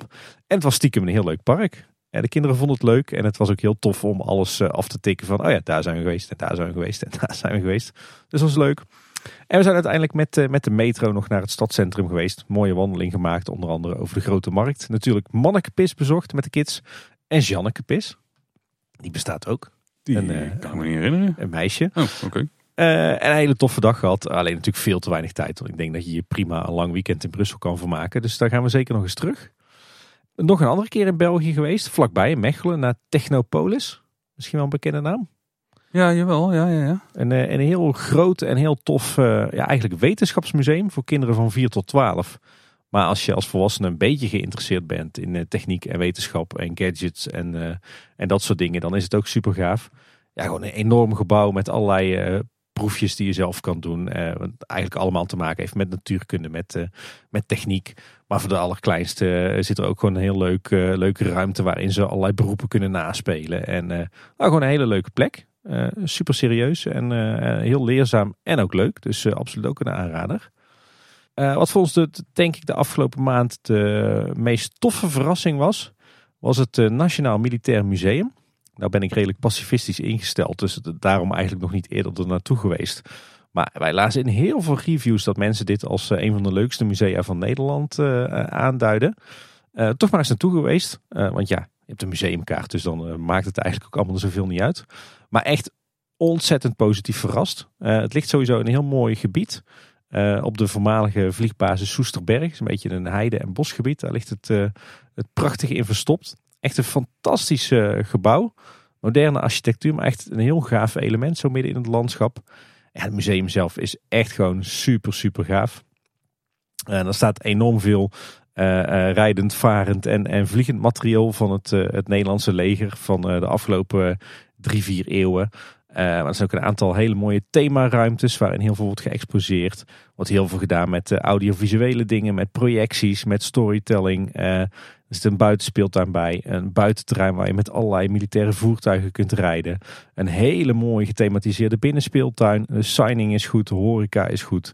Het personeel is mega vriendelijk. Het echt, echt een topmuseum. Wat mij betreft zeker in de, de top 5 beste musea van, uh, van Nederland. Oh, wow. Ja. Okay. Echt een hele toffe, toffe verrassing. Ik hoorde ook goede dingen over, dus wat dat betreft, ja. Ja, zeker een, een aanrader naast een openluchtmuseum, een spoorwegmuseum, Naturalis. Daar, in dat rijtje hoort hij wel echt thuis. Uh, ook wat dingetjes in de, in de natuur gedaan. Uh, een natuurspeeltuin Herperduin geweest, hierbij op de Maashorst. Met een heel gaaf speeltoestel in de vorm van een das. En, en wat speelnatuur. Ook de veerboot naar 10 gemeten gepakt. Een eilandje in de Haringvliet. Uh, leuke, toffe natuurwandeling gedaan op zoek naar diersporen. De, de natuurspeeltuin daar is helaas uh, voor een jaar dicht. Omdat uh, er iets te veel kinderen met zwemmerseczeem uitkwamen. Lekker. Die naar, s'avonds naar de huisartsenpost moesten en zo. Dus toen hebben ze het toch maar dicht gedaan. Um, in Vorstenbos, een heel klein plaatsje ergens in de buurt van Veghel, naar de alpaca farm geweest. Alpaca's zijn natuurlijk hele leuke, schattige dieren. Nou, daar weten ze het echt wel, hoe moet ik het zeggen?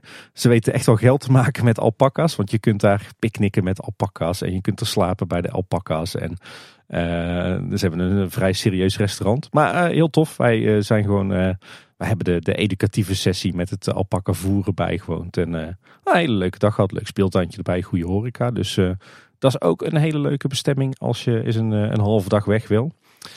Uh, en ook wel heel tof. Ik ben ook nog uh, voor een paar uurtjes naar Safari Park Beekse Bergen geweest. En heb ik een rondleiding gekregen over uh, eigenlijk langs het, het olifantenperk wat daar in, in aanbouw is. Eigenlijk mhm. zetten ze daar weer zo'n beetje een kwart van het park op zijn kop op dit moment. Omdat ze aardig wat, uh, wat uitbreiding krijgen van het, uh, het aantal olifanten. En dat wordt uh, ook meteen serieus aangepakt met tunnels en thematisering en nieuwe gebouwen. En het hele landschap wat helemaal anders wordt ingericht.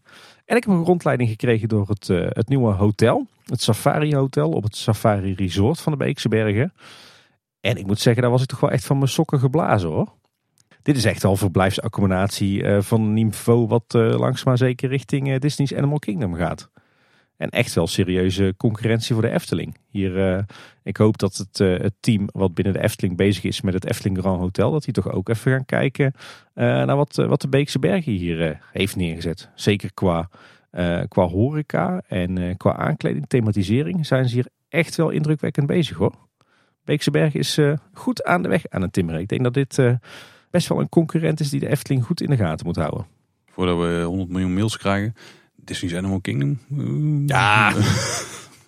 Het, uh, ze proberen een beetje die kant op te gaan, okay, laat ik het zeggen. Maar het, ik was uh, serieus onder de indruk van, uh, van wat ze daar hebben neergezet. Zeker ook de restaurants daar. Echt wel niet wat je, wat, wat je twintig jaar geleden bij de Beekse Bergen zag, zeg maar. Dus ja, we hebben niet stilgezeten in mei. nou, daar was ik ook niet bang voor. Dit waren een beetje de highlights. Nou, dat waren de highlights. Dus er is ook nog veel uh, afgevallen ja. uit het Zo, ja. zo oké. En uh, tot slot uh, nog een luistertip van mij. Want na aanleiding van het, ons bezoek aan het Nationaal Militair Museum ben ik een klein beetje in een rabbit hole beland. Eerst de, podcast, de Belgische podcast het 11e uur beluisterd met 24 afleveringen die ieder een één uur van de laatste dag van de Eerste Wereldoorlog beschrijven. Zo, voor het concept. Redelijk detailistisch, maar echt heel gaaf. Maar de, via die podcast uiteindelijk terechtgekomen bij de podcast Geschiedenis voor herbeginners. Een Vlaamse podcast van uh, Vlaamse geschiedenisdocenten die in de, de coronatijd uh, werkloos thuis zaten en uh, ja, toch hun, hun vak wilden uitoefenen. Ik ben hier ook aan begonnen. Volgens mij heb ik zes afleveringen geluisterd of zo. En echt, ja, tenminste, ik heb heel veel met geschiedenis en ja, dit is echt een ongelooflijk toffe podcast. Heel leerzaam. Uh, heel leuk gedaan. Um, af en toe best wel een vleugje humor. Uh, ook heel hoge kwaliteit uh, geluid. Met geluidseffecten, soundscape. Ja, even voor, voor mijn wildvorming. Ik heb hier dus een deel van geluisterd, maar ik ben op een gegeven moment afgehaakt. De eerste paar afleveringen die vond ik interessant. Die gingen over de Eerste Wereldoorlog en zo. En echt wel wat dingen uitgeleerd. En toen ging het over Koning Leopold, de ja. Of zo. Ja, dat wilde ik dus net vertellen. ze hebben nu negen seizoenen gemaakt. En ieder seizoen behandelt eigenlijk één overkoepelend onderwerp. Ja, En je moet echt wel cherrypicken. Ja, oké, maar die van Leopold had ik gewoon niet moeten luisteren. Nee. Ik denk begin vooral, want daar zit ook helemaal niks van de, de geluidsbeeld en zo wat je dan erbij schetst. Dat was daar helemaal nog niet. Dat zal wel later zijn gekomen dan. Nee, de toppers wat mij betreft zijn, uh, volgens mij zeg ik even uit het hoofd, seizoen 6 over de Koude Oorlog. Nee, ja, klinkt goed, ja. En seizoen 9 over de Tweede Wereldoorlog. Klinkt uiteraard ook goed. Oké, oké, dan ga ik cherrypicken. Dus uh, geschiedenis voor herbeginners, absoluut een, uh, een luistertip. Oké, oké. Dan zitten we er toch weer op, eh, luisteraars. Vier weken nieuws ingehaald. Het is gelukt. Het is exact middernacht. De opname wel. Ja, hopelijk niet als je dit zit te luisteren. Dat mag trouwens ook, maar maakt ja, helemaal niks uit. En we zijn uh, vijf blikken cola en vier stroopwafels verder. Uh, en er is zelfs nog een stroopwafel weggehaald tussendoor door uh, onbekenden. Mocht je nou iets aan ons kwijt willen, dan kun je dat bijvoorbeeld melden via social media. Als je naar kleineboodschap.com slash volgen gaat, dan vind je alle plekken waar wij te volgen zijn. Misschien even een huishoudelijke mededeling. We hebben ook de slash lijstpagina, waar je dus een overzicht vindt van alle uh, alle afleveringen beginnen bij aflevering 1 en dan oplopend.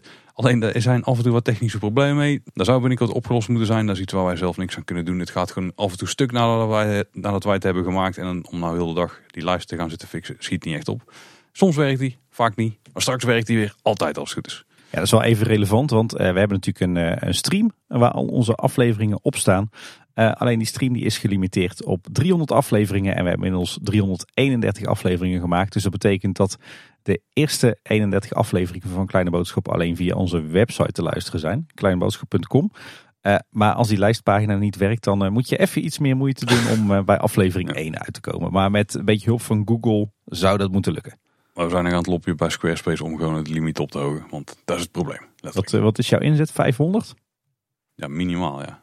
Als we, nou, nou, als we ieder jaar gewoon met 80 ophogen, dan zitten wij altijd goed. Dan zitten we net safe, ja.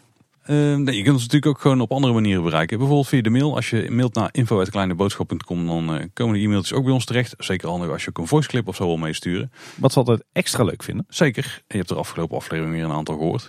Je kunt ook op de website kleineboodschap.com het contactformuliertje gebruiken. En als je dan toch bent, vind je sowieso dus alle afleveringen met show notes. Waar we ook regelmatig naar refereren in de aflevering. Ja, en verder luister je onze podcasts, moet ik dan zeggen. De buitenwereld en vooral Kleine Boodschap natuurlijk. Eh, ook in Spotify en eh, in je favoriete podcast app. En luister je ons nou daar, zorg dan dat je je sowieso abonneert op de podcast. En kan je een rating of een review achterlaten, bijvoorbeeld in Spotify of Apple Podcasts. Dan vinden we dat ook altijd ontzettend tof. En over de laatste Tim heb ik goed nieuws. Want uh, luisteraar die anoniem is, je hebt hem alsnog verstuurd. Want degene die de review heeft gegeven, die heeft als naam krijg het niet verstuurd ingevuld. Altijd heel bijzonder bij de reviews. Maar het is gelukt, het is gelukt. En die schrijft pure liefde, dag Tim en Paul. Of het nu gaat over de opening van het vernieuwde Anton Pieckplein, een interview met oud-directeur Paul Beck of een opsomming van al het onderhoud in Efteling. Jullie enorme liefde, betrokkenheid en aandacht spelt door in iedere podcastaflevering. Het is hartverwarmend om naar te luisteren en het stimuleert me om ook met enige regelmaat weer door het park te lopen. Een lust voor het oor. Jullie podcast en het oog. De Efteling zelf. Ah, dat is mooi. Die heeft het zeker begrepen. Tof.